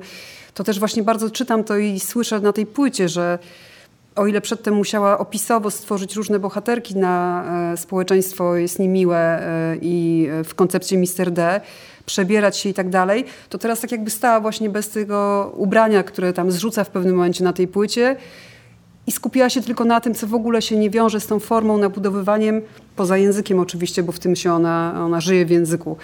Kurczę, to jest jakiś taki gest, który mi się wydaje bardzo... No fajne jest to, że ktoś, kto e, ma za sobą bardzo długą drogę, potrafi czasami powiedzieć myliłem się, wracam do tego, co najważniejsze. Nara.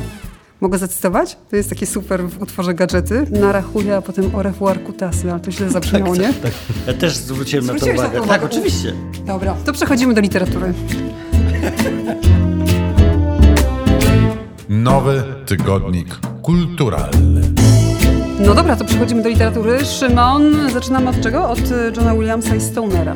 Nie wiem, czy się odmienia. Odmienia się.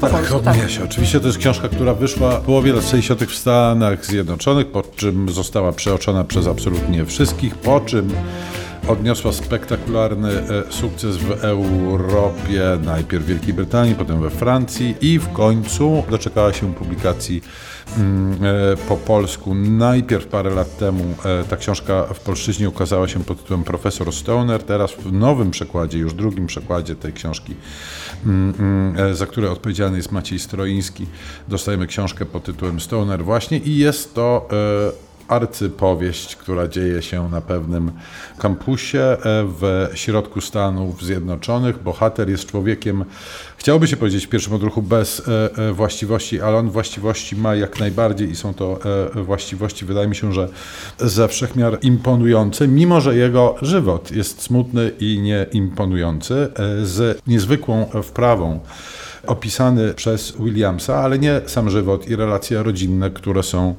dojmująco smutne i zawodowe, które są dojmująco dołujące. On też robi tam takie momenty, które są absolutnie magiczne w moim przekonaniu. To znaczy zatrzymuje na chwilę czas. Tak, jest na przykład taka scena, gdzie Stoner patrzy przez okno swojego gabinetu, e, na zewnątrz pada śnieg i trwa to przez dwie strony, e, a, a, a w słowach jest to zrobione tak, że nie można się od lektury e, tego odebrać scena pożegnania z córką. Tej książce. Myślę, że zostanie ze mną chyba do końca i nie pamiętam, ostatni raz wzruszyłem, wzruszyłem się e, czytając coś tak głęboko, nie wiem, chyba przy pierwszej lekturze e, w głębokim dzieciństwie Leslie wróć, bo po prostu nie wierzyłem, że można coś z moimi emocjami tak głębokiego zrobić. Więc e, ja tak naprawdę niewiele poza tym mam do powiedzenia, poza tym, że muszą Państwo koniecznie po tę książkę sięgnąć i ją przeczytać. Ja się tylko mogę zgodzić bardzo, bo po pierwsze w ogóle super lubię takie powieści, które, no tak jak rozmawialiśmy przed programem, ja powiedziałam, że to jest taka kampusowa powieść, że lubię ten amerykański nurt, a ty powiedziałeś, że to jest takie nie do końca, e, że jest to troszeczkę rozegrane tutaj e, inaczej. Ale świetnie się po prostu tą książkę czyta. No właśnie nie potrafię powiedzieć, e, ile zależy od tłumaczenia, ale pewnie wszystko w tym przypadku wchodzi się na chwilę, a zostaje się do samego końca. Tak mniej więcej ta opowieść przebiega i no może rzeczywiście nie jest to radosna opowieść, natomiast e, wydaje mi się i po raz kolejny tutaj mam taką refleksję, że ja chyba jestem jakąś pesymistką przy tym stole, bo wy dziwicie się smutnym historiom w kinie i tak dalej, a jakby widocznie ja uważam, że życie... Nie dziwimy się, w życiu też jest smutne, życie zgadzam jest się z tym. smutne, no. Tak, szczególnie, że to, e, to życie tu dostajemy od początku e, do końca opowiedziane w sposób przekonujący. Jak ja słyszę powieść kampusowa, to przepraszam, mam jakieś skrzywienie i przychodzą mi głównie do, do, do głowy Lodge, Amisy i, no i, te brytyjskie wygłupasy, a, ale masz rację, że to jest bliższe tej powieści kampusowej amerykańskiej, nie wiem, Centaur Updike'a na przykład, może no, jakoś się ze Stonerem. Nabokowa, no więc są, tak. są, są inne książki. Myślę, że to jest taka sytuacja, w której zyskujemy nowego, bardzo ważnego autora. To zawsze jest takie niezwykłe, że, że, że coś się odkrywa, co y, istniało, o czym się nie wiedziało i nagle teraz to przychodzi do nas i, i trzeba już będzie z tym zostać i to jest fajne. Znaczy to jest bardzo niezwykłe. Tak, więc nic tylko czytać. To jest taka wizyta sprzed e, lat, ale e, wizyta, która jak słusznie Boguś zauważył, zostanie z nami chyba e, na zawsze. Natomiast wizytą zupełnie nową. Pierwszy raz w polszczyźnie dostajemy książkę Eduardo Halfona, a nawet dwie książki w jednej, bo to Klasztor i Żałoba, spolszczone przez Tomasza Pindla.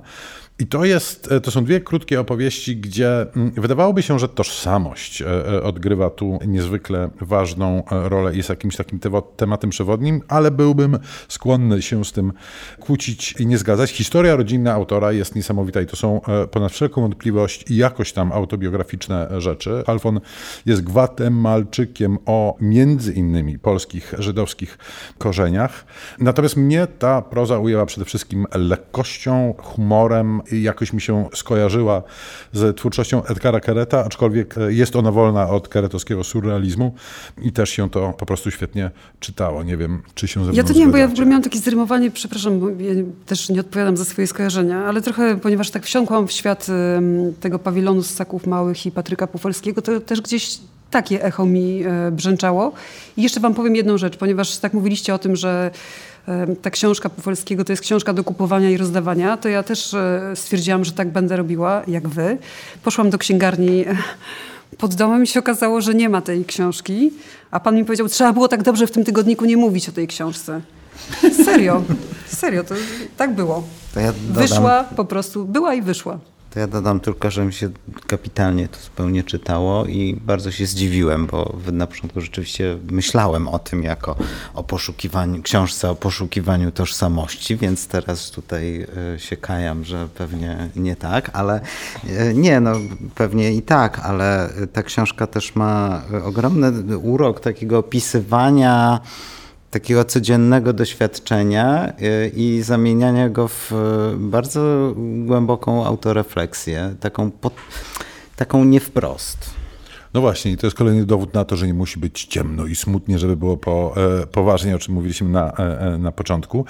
No i e, jak Halfon nas zaprowadził do e, mm, Ameryki Łacińskiej, acz nie tylko, bo ta, e, bo ta książka prowadzi nas w bardzo różne miejsca, no to, no to jeszcze do tej Ameryki Łacińskiej na chwilę zajrzyjmy, zajrzyjmy do Niameryki. Wydaje mi się, że, że, że operita, o której rozmawialiśmy mm, wcześniej, jest jednym z wielu dowodów na to, że coś takiego jak Niameryka istnieje, czyli ta Ameryka, która mówi po hiszpańsku, bo jej, jej istnienie postuluje Caparros I to postulowanie istnienia takiego tworu, takiej krainy jest chyba najbardziej kontrowersyjną rzeczą, którą on robi. Tak mi się przynajmniej wydaje, bo w powoływaniu do istnienia takiego tworu przede wszystkim musi e, zignorować geografię i wyrzucić na przykład za nawias Brazylię. No a z drugiej strony troszeczkę też deprecjonuje, czy świadomie chowa, częściowo przynajmniej pod, pod dywan, różnorodność tego regionu, która jest e, uwarunkowana przed kolonialnymi historiami po prostu. Natomiast robi to z jakąś tam, e, mam nadzieję, pełną e, świadomością, żeby właśnie powołać do istnienia twór nieamerykański. I teraz on to robi z jakiegoś powodu. I jego teza jest można się z nią kłócić, ale jest, jest to teza dość ciekawa, że Ameryka jest takim poligonem, gdzie zmiany, które będą dotyczyć nas wszystkich na wszystkich innych kontynentach, już zachodzą. Dlatego, że tam jest gorzej, biedniej, większe są problemy z, urbaniza z urbanizacją niż wszędzie indziej, a te różnice pomiędzy najbogatszymi i najbiedniejszymi eksplodowały w ostatnich e, dekadach, mając zresztą bardzo przyzwalającą na to postkolonialną, rasową mm, mm, mm, sytuację. I on, no nie wiem, czy, czy, czy pamiętacie Głód Caparrosa, ale on rzeczywiście... Tak, też bierze była to taka takie... bardzo duża książka. Jak, tak. tak, ale on w tych dużych książkach e, e, daje e, radę, wydaje mi się, bo, bo jest to książka, która z jednej strony próbuje coś syntetyzować, z drugiej strony mamy tu wycieczki do różnych miejsc e, w e, Ameryki i jest wśród nich, o dziwo, na przykład Miami, co w moim przekonaniu jest zasadne. E, pojawia się też miasto brzydsze od Myszkowa i Gorzowa Wielkopolskiego, co trudno sobie wyobrazić. Bardzo przepraszam wszystkich mieszkańców Gorzowa i Myszkowa, czyli Managła. E, Boże, e, król jest z Gorzowa miastem, Wielkopolskiego. Nie wiem, kto jest z Myszkowa. Ale miastem, e, miastem koszmarem. I no nie wiem, ta końcowa część książki, gdzie Caparros przyznaje się, że on nie jest Marksem Niameryki. On nie ma żadnego pomysłu. On rzeczywiście postuluje zmianę, która nie wie, jak ma wyglądać, ale uważa, że jest nieuchronna i, i też tu sugeruje, że Marks niczego tak naprawdę e, nie wymyślił, tylko udało mu się jakoś zebrać do kupy to rozczarowanie wczesnym stadium kapitalizmu, które po prostu po Europie krążyło. I Kawaros czeka, czeka mam wrażenie na, na Marksa XXI wieku i jest głęboko przekonany o tym, że on gdzieś w Niameryce już sobie mieszka. No tak, budowanie porządku świata na papierze nie jest tak bardzo trudne. Tu, moja droga, bym się o tyle sprzeczał, że e, moja porządku w tej książce... Słyszałam to, ale czekam, czekam co, co tam moja będzie. droga. Porządku w tej książce e, e, za grosz. Jest tu rzeczywiście chaos i, i bałagan, który nas wszystkich czeka i nas wszystkich obejdzie prędzej czy później, wobec którego Caparros jest bezradny. Więc on porządku nie buduje. Jakieś słyszę takie zaciśnięte E, głoski. E, być może powinien sobie pośpiewać koniecznego na plantach. To ja sobie go ponucę, tak. Natomiast wcieliłem się w ortodoksyjnego marksistę, w związku z tym walczę o swoje. Słuchajcie, to ja mam takie, e, taką propozycję, która was pogodzi, bo właśnie pogadamy za chwilę o tych wizjach, które są wcielane w życie i potem... Ale pięknie to podprowadziłam, musisz no, przyznać. Tak, dziękuję ci bardzo. Jeszcze też mogę powiedzieć, że no, mówiliśmy, że Ameryka ta w ujęciu Kaparosa ma być poligonem dla jakichś przemian społecznych, no to tak jak regulacja Odry, patrzę na Filipa Springera, była poligonem przed regulacją Renu. To też wyniosłam właśnie z lektury książki Mind God, jak pięknie Filip Springer, który jest naszym gościem specjalnym, usiadł właśnie przy e, stoliku czy to po ciebie jedzie policja, która tak głośno gra? To karetka. Dzień dobry. Mam nadzieję, że nie, ale nigdy nie wiadomo. Może jak Dzień usłyszeli, dobry. że coś może być tak piękne wśród tych ludzi, którzy właśnie dosyć dużo narzekają, to stworzyło się takie napięcie. Filip, od czego zaczynamy e, rozmowę o Twojej najnowszej książce, która nie jest książką reporterską, od razu zaznaczmy, łączy fikcję, jakieś fikcyjne nazwy nawet miejscowości, to jest bardzo podejrzana sytuacja z Twoimi prawdziwymi poszukiwaniami, podróżami, przeżyciami, zbieraniem dokumentów. E, to może zacznijmy od tej formuły hybrydowej. Czy to jakaś tęsknota Cię popchnęła w tę stronę, czy też jakieś inne powody, dla których postanowiłeś odciąć się od literatury faktu na rzecz właśnie czego? No, czego to ja nie odpowiem. E, wy możecie się tu pobawić e, w tę dyskusję. Sprytne. Ja bardzo od jakiegoś czasu szanuję sobie to poczucie, że nie muszę nazywać tego, co piszę. Rzeczywiście ja przez wiele lat e, i pisałem reportaż i z reportażem byłem związany na różne e, sposoby. Natomiast e, właściwie w każdej książce miałem taką sytuację i taką myśl, że gdyby mi, gdyby mi było wolno nazmyślać w niektórych momentach, to opowiedziałbym głębiej tę historię, którą chcę opowiedzieć.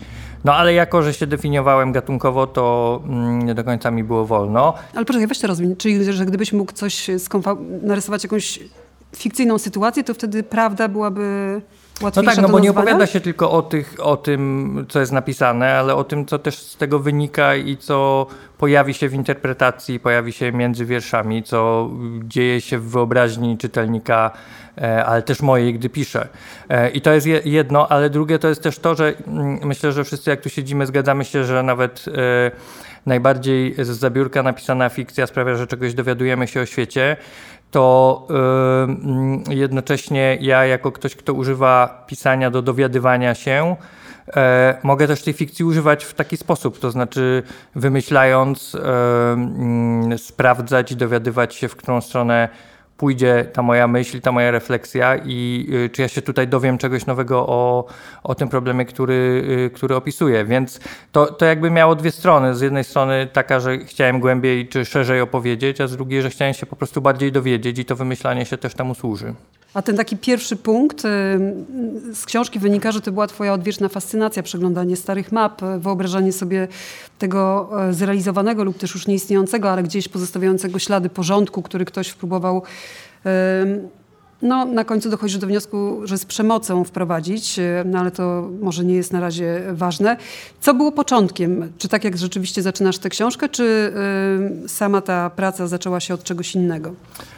To jest taka książka, y, która y, pewnie gdzieś się zaczęła pojawiać w mojej głowie, jak miałem, znaczy nie, nie powiem, że jak miałem 8 lat, to myślałem, że będę pisał książki, ale jakbym miał powiedzieć o takim pierwszym momencie, który sprawił, y, że na końcu jest ta książka, to jest taki moment z dzieciństwa, kiedy ja po raz pierwszy się zjawiam na ziemiach poniemieckich, konkretnie, konkretnie w Kotlinie Kłodzkiej, staję na szosie w Międzygórzu i nie mogę uwierzyć, że domy i miejscowości mogą wyglądać tak, jak wyglądają. Ja jestem z Poznania, więc znowu nie jest to tak, Tak źle. tak, tak źle i tak dziwnie. Jak gdzie? I chciałem Jak stanąć w obronie Gorzowa Nie jest tak Wielkopolskiego, bo to jest piękne miasto, mm, tylko niedocenione. E, i, I to było gdzieś tam, natomiast przed, y, już w czasie pisania Miedzianki, czyli tej mojej debiutanckiej książki, ja wiedziałem, że coś takiego będę chciał kiedyś napisać, tylko ciągle mierzyłem się z tym, że nie do końca wiedziałem, jak ująć to, co ja chcę tutaj opowiedzieć, bo bardzo nie chciałem, żeby to była książka o takim technicznym podejściu do krajobrazu i takim technicznym odbiorze krajobrazu. To znaczy tego, że konkretne narzędzia planistyczne, urbanistyczne, ale też ideowe powiedzmy, sprawiają, że on jakoś konkretnie wygląda, że to jest coś głębszego i do tego brakowało mi narzędzi. No liczę, że ta książka jest dowodem, że te narzędzia znalazłem. No tak, no bo tu e, jedna rzecz, która przychodzi do głowy natychmiast, jak tę książkę zaczyna się czytać, to historia naturalna, czy można by to pewnie nazwać jakoś tam inaczej, bo e, rzeczywiście mamy tu do czynienia z całą masą ludzkich e, historii, które są prawdziwe, czasami być może przegięte, czasami trochę zmyślone, ale miałem wrażenie, że ta opowieść o rzece jest czymś, co no, po prostu oddaje stan faktyczny jej historię, przynajmniej w przeciągu ostatnich ostatnich 200 lat. I tak sobie myślałem też, że, że tych ludzi w tym wypadku należałoby właśnie trochę pozmyślać, właśnie trochę nagiąć, żeby oddać sprawiedliwość e, rzece, żeby oddać sprawiedliwość krajobrazom. Nie wiem, czy taka była twoja, twoja intencja. No na pewno jest tak, że źródła, gdy chcesz opowiedzieć o czymś, co swoimi początkami sięga połowy XVIII wieku, a kończy się współcześnie, czy nawet nie kończy się, bo to cały czas trwa, że źródła te, które dotyczą tych e, najdawniejszych czasów, nie uwzględniają pewnych klas społecznych, nie uwzględniają pewnych zjawisk, e, traktują niektórych ludzi jak narzędzia takie same jak, nie wiem, jak te łodzie, które oni ciągnęli. W związku z czym e, siłą rzeczy pojawia się tu potrzeba, że żeby poprzez tego człowieka i opowiedzieć tę historię i nadać tej historii też taki ludzki kontekst, nawet nie kontekst, a wymiar, no to trzeba tutaj y, pójść w stronę, która już nie jest związana z dokumentem czy z non-fiction. I, i to było takie bardzo mm, praktyczne użycie tej fikcji tutaj. To czego brakowało w tych historiach? Znaczy, nie, przede wszystkim niektórych ich nie było. No, mhm. Jeżeli chcemy opowiedzieć historię tego tajemniczego transportu, który w 1787 roku wyrusza ze Swinemünde i jest ciągnięty w górę Odry, e, aż gdzieś tam w okolice Kozel, czyli dzisiejszego Kędzierzyna Koźla, no to nie ma w źródłach o ludziach, którzy to robili, bo po prostu oni byli nieistotni. E, oni byli właśnie tymi narzędziami, więc to, to chociażby to sprawia, że trzeba tutaj pójść w inną stronę. Dla mnie kluczowe w tej książce jest takie zdanie, pytanie, czy człowiek może pochodzić z miejsca, w którym nigdy wcześniej nie był, bo to jest, podzielam tę fascynację taką, kiedy, nie wiem, pojawiłem się pierwszy raz na Dolnym Śląsku. Teraz muszę ja się zdeklarować, skąd Jesteś jestem. z Dolnego Śląska? Nie, jestem z Warmii, więc e, trochę A dokładnie te skąd? wszystkie pejzaże z Olsztyna. Te wszystkie... Witamy Olsztyn wśród warszawiaków. Przepraszam, Filip, taki wewnętrzny żart. Jakby... Więc wszystkie te pejzaże gdzieś tam są mi bliskie, ale miałem wrażenie, że po pierwsze, e, ziemie zachodnie i północne ciągle są trochę nieopowiedziane, a na pewno nie są opowiedziane w ten sposób, e, który jest w zasadzie kluczowy dla ich historii, bo tak naprawdę ta budowa kolei z Berlina do Królewca to jest właściwie oś XIX-wiecznej e, historii całego tego regionu i, i ogromnej części Polski. E, I to oddziałuje przecież na nie tylko na krajobraz, w ogóle na, na, na, na pewien sposób życia, czy sposób zagospodarowania sobie życia przez Polaków na, na tych ziemiach po 1945 roku, prawda? No tak. Y, ta budowa kolei i później jej rozwój, bo ja opisuję tylko fragment budowy kolei wschodniej, ten pierwszy, to znaczy tej głównej nitki, natomiast kolej wschodnia jako taka to był system bardzo rozbudowany później, e, też połączeń dochodzących, ale to jest taki moment bardzo symboliczny kolejnego etapu modernizacji. Ja starałem się ułożyć tę książkę właśnie w taki sposób, żeby te kolejne etapy modernizacji od początków rewolucji przemysłowej, czyli gdzieś tam drugiej połowy XVIII wieku, aż po rok 45 się tam jakoś ujawniały, może nie wprost. I ta kolej jest o tyle ciekawa i symboliczna i dla mnie porywająca, że ona nie tylko przywiozła nowoczesność, przywiozła nowe idee, ale też na przykład przywiozła nowy czas, co jest niezwykle ciekawe. Znaczy wzdłuż linii kolejowej rozprzestrzeniał się ujednolicony dla tych ziem czas. Yy, I to e, to musiało mieć fundamentalne znaczenie w ogóle dla tych ludzi, którzy tam żyli, ale też sposób przemieszczania się poprzez kolej czego ja doświadczałem też jeżdżąc za tą książką. I myślę, każdy z nas liczy tak naprawdę dzisiaj podróż w czasie, i jaką, jaki musi spędzić w tej podróży, a nie w kilometrach, jakie musi przebyć. E, to jest też moment, y, to jest tamten moment. Znaczy budowa kolei to, była, y, to był moment, w którym trochę przestrzeń się unieważniła i to było też wielkie, wielka zmiana e, tej modernizacji. No to jeżeli możemy wrócić do tego Międzygórza, w którym stoisz jako ten młody chłopak, e, czy też jako chłopiec jeszcze i zachwycasz się, ja też podzielam to taką sytuację, że właśnie jechanie w tamte okolice i myślenie sobie, Boże, jak to wszystko jest pięknie poukładane. I ten wątek, który już wcześniej wprowadziłam, czyli to takie e, zachwytu przejść do uświadomienia sobie, jaka droga prowadziła do tego, żeby ten świat wyglądał w taki, a nie inny sposób i odkrycie, że nie wyłącznie świetliste idee się za tym kryją, ale coś, co można nazwać przemocą e, i e, no, te ciemne strony natury ludzkiej. No to rzeczywiście dla mnie samego było w pewnym sensie zaskoczeniem. Znaczy ja bardzo pilnuję, żeby na początku procesu pisania jakiejś książki nie skończyło się tym, że ta książka jest dokładnie taka, jak sobie wyobrażałem na początku. A na początku zakładałem, że ta książka będzie e, wychodziła z pozycji afirmacyjnych względem tego, co opisuję. To znaczy, że ja jestem rzeczywiście zafascynowany tym, jak ten poniemiecki pejzaż jest ułożony. E, no ale gdy się głębiej nad tym zastanowić, to każde z tych działań e, podejmowanych przez Prusy, a później przez Niemców w pejzażu, to było działanie mające na celu poddanie tego pejzażu kontroli.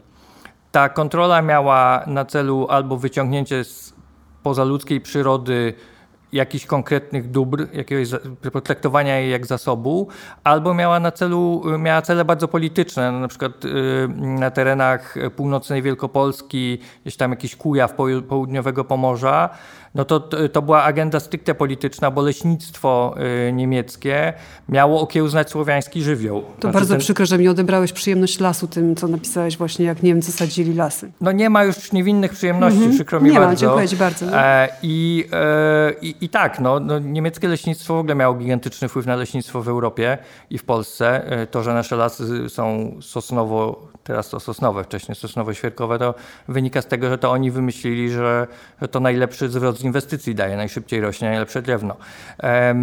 Więc y, tak, no i na końcu samym trzeba dojść do tego wniosku, że mimo, że te działania miały pewien e, pewną czułość względem tego pejzażu, no to one były zbudowane na oświeceniowej myśli poddania e, przyrody przy, pod kontrolę swoją. A czy masz wrażenie, że twoja opowieść trochę mm, próbuje też być głosem w sprawie ekologii, to znaczy takiego większej refleksji, jeśli chodzi o to właśnie, jak traktujemy przyrodę dzisiaj, czym ona dla nas jest. Jeszcze chciałam powiedzieć taką ciekawostkę, że nie wiem, czy wiecie, że e, słowo spruce, czyli świerk, e, pochodzi od tego, że jest z prus.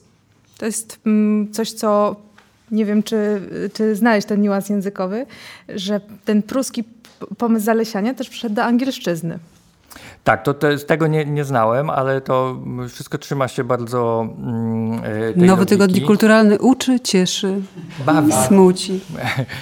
E, natomiast, y, no tak, no, ja y, nie chciałem napisać książki o tym, jak została wybudowana kolej wschodnia i jak została uregulowana Odra, tylko spróbować poprzez taką głęboko historyczną opowieść trochę sprawdzić to nasze podejście do y, pozaludzkiej przyrody, do krajobrazu i zobaczyć, czy my czasem, nawet patrząc na niego albo fotografując go, nadal nie traktujemy go jak zasobu. I, y, a to jest przecież klucz do, mm, czy zerwanie z, tą, z tym podejściem jest kluczem do poradzenia sobie z tymi wielkimi wyzwaniami ekologicznymi. Więc bardzo bym chciał, żeby ta książka była tak odczytywana.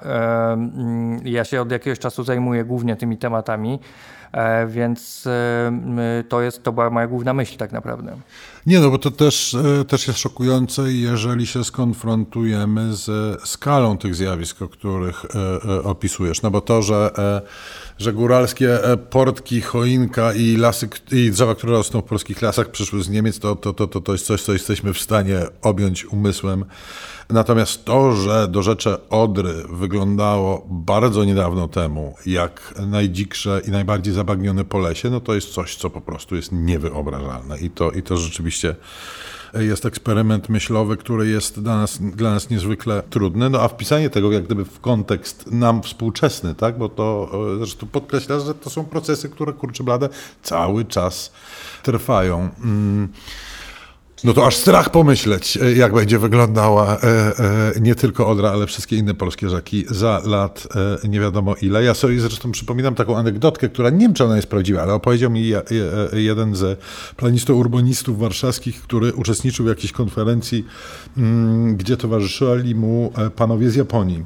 To jest taka I... wspaniała miejska warszawska legenda. Jest to tak, być może miejska warszawska legenda, ale ona mówi bardzo dużo, gdzie urbaniści e, rzeczeni, być może fikcyjni, e, urbaniści z, z Japonii spojrzeli na praski e, brzeg Wisły i powiedzieli, kto to zaprojektował i ile to kosztowało. No i trochę to jest taki smutny przepis przypis do tego. No ale nie smućmy się, Bogusław Deptuła chce coś powiedzieć. E, tylko tyle, że podziwiam Twoją wrażliwość na takie coś, na co właściwie się nie zwraca uwagi, czyli na taką kulturowość pejzażu, że to jest, e, że to jest coś, co naprawdę mało kiedy kogoś obchodzi. A tu dla mnie to było osią tej książki, to było najważniejsze, że ta Odra z 1200 skróciła się tam do 850 no to jest jakaś niesamowita, niesamowita rzecz i to, że y, no to, to co powiedziała Ola, że jest w tej książce też ta ekologia wpisana, chociaż pewnie tego jakoś nawet y, nie wiem, czy zaplanowałeś, czy nie, ale w każdym razie to się, to się bardzo jakby dzisiaj no Moim zdaniem chyba świadomie e, jest tak. to napisane. Skracanie Odry to pikuś w kontekście tego, że to, że jak została uregulowana, prowadzić miało do katastrofy da, nie, no, ekologicznej no, i doprowadziło. To, że ta historia się nie kończy, się nie... no, o to mi chodzi, znaczy, to dalej trwa i że to, że, że, prawda, no, że to jest niszczone cały czas. Znaczy, że to, to, to...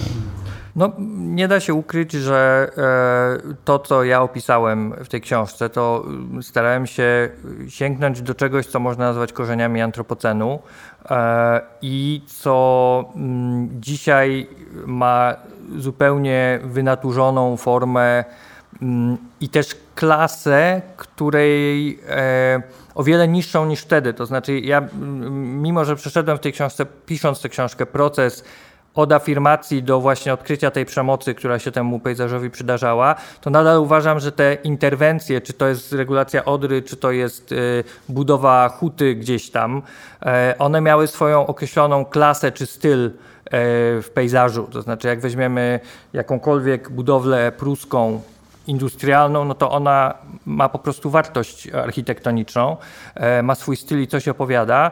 E, mm, I, I w tym sensie to nadal ma jakąś wartość. Znaczy, warto na to patrzeć nie tylko z tej pozycji takiej krytycznej dzisiaj, bo nie możemy też na to patrzeć jak historycznie. No przecież to była najbardziej nowoczesna myśl, y, regulacja rzeki w XVIII wieku, to była najbardziej nowo, nowoczesna i postępowa myśl, jaką można było mieć. E, I my dzisiaj wie, wiemy, jakie są tego konsekwencje, no ale oni wtedy nie mieli albo mieli nielicznie, jak Humboldt. Tak, na szczęście jesteśmy dorośli i potrafimy kilka sprzecznych punktów widzenia zawrzeć w jednej głowie. Słuchajcie, to ja bym chciała doprowadzić nasze spotkanie do końca, wspominając jeszcze, że na kartach, e, na kartach Twojej książki pojawia się Jan Bułhak, e, fotograf, który dzisiaj pojawił się też w kontekście dwóch wystaw, o których opowiadaliśmy, bo i krakowskiej, i warszawskiej e, o odgruzowywaniu Warszawy, więc to też jest taki ciekawy, dodatkowy wątek, który tutaj przemycamy, no bo dzięki projektowi realizowanemu przez niego i chciałam dokończyć i wielu zdjęciom, które robił w różnych miejscach, można właśnie te miejsca w ich stanie sprzed wojny e, i powojenne chyba też, nie? I powojenne jak najbardziej. Oglądać. Jeździłem za nim raczej śladami powojennych Powojennych zdjęć. Ale jest jedna rzecz, która mi się rymuje z, z książką Filipa i z wystawą o Warszawie. Nie wiem, czy pamiętacie, tam e, jest w, w, ostatniej sali taka plansza przedstawiająca mapę współczesnej Warszawy, gdzie zaznaczone są za pomocą kolorów jasnych, żółtych i czerwonych te geologiczne części Warszawy, które, e, nie pamiętam nazwy tego e, terminu, które są... Wytworzone przez człowieka? Tak, e, efektem działalności ludzkiej. I tak jak w Twojej książce główną jej część stanowi jednak opowieść o budzącym się antropocenie, no to my siedzimy w jego koronie. I myślę, że gdyby zrobić taką mapę Polski, Europy czy świata, to byłaby to mapa absolutnie przerażająca. Mam wrażenie, że jeszcze można wiele powiedzieć w ogóle o Twojej książce i że dotknęliśmy tylko czubeczka, więc e, polecając e, najnowszą książkę Filipa Springera, dziękuję Ci bardzo za to, że byłeś gościem e, Nowego Tygodnika. Audioteka, która jest patronem specjalnym naszego tygodnika, także wiele przyjemności związanych z Tobą kryje. Między innymi można posłuchać Miedzianki, historii znikania, można. ale można posłuchać Ciebie w wielu odsłonach, w wielu sytuacjach, kiedy rozmawiasz i opowiadasz, więc polecamy. E, bardzo Wam dziękuję za udział w tym tygodniku. E, dziękujemy oczywiście wszystkim naszym patronom. E, no i co? Czy macie jakieś słowo na zakończenie? Kto puentuje? Kto robi fantastyczną, radosną puentę, żeby tutaj nie było tak smutno? Siedzimy w koronie antropocenu, to była w ogóle super puenta taka, jeżeli chodzi o radość, więc y, czym się pożegnamy? Miałem na myśli na suchej gałęzi, która zaraz się urwie, nie Dobra, to może zanuciwo chociaż coś Zygmunta Koniecznego na koniec. Właśnie, Szymon. Szymon. La, la, la, la, la, la, la, la. Proszę bardzo. Nie rozpoznałam Pięknie. tego. Pornografia, proszę cię, to w twoją stronę było wielbicielko eko... E, Ale jak ale zaraz powiesz coś prawdziwy krytyk muzyczny, Agnieszka ma poważne problemy ze słuchem, więc proszę dajcie jej spokój. Albo Błażej ma problemy z nuceniem, ale dziękuję wam bardzo, do usłyszenia. Zamykamy natychmiast ten podcast. Ale powiesz coś dobrego. Dziękuję. Co mam powiedzieć? Coś pozytywnego, że następne spotkanie w maju. Otóż to. I wtedy uwaga, niektórzy z nas rozbiorą się do naga. Może tak być?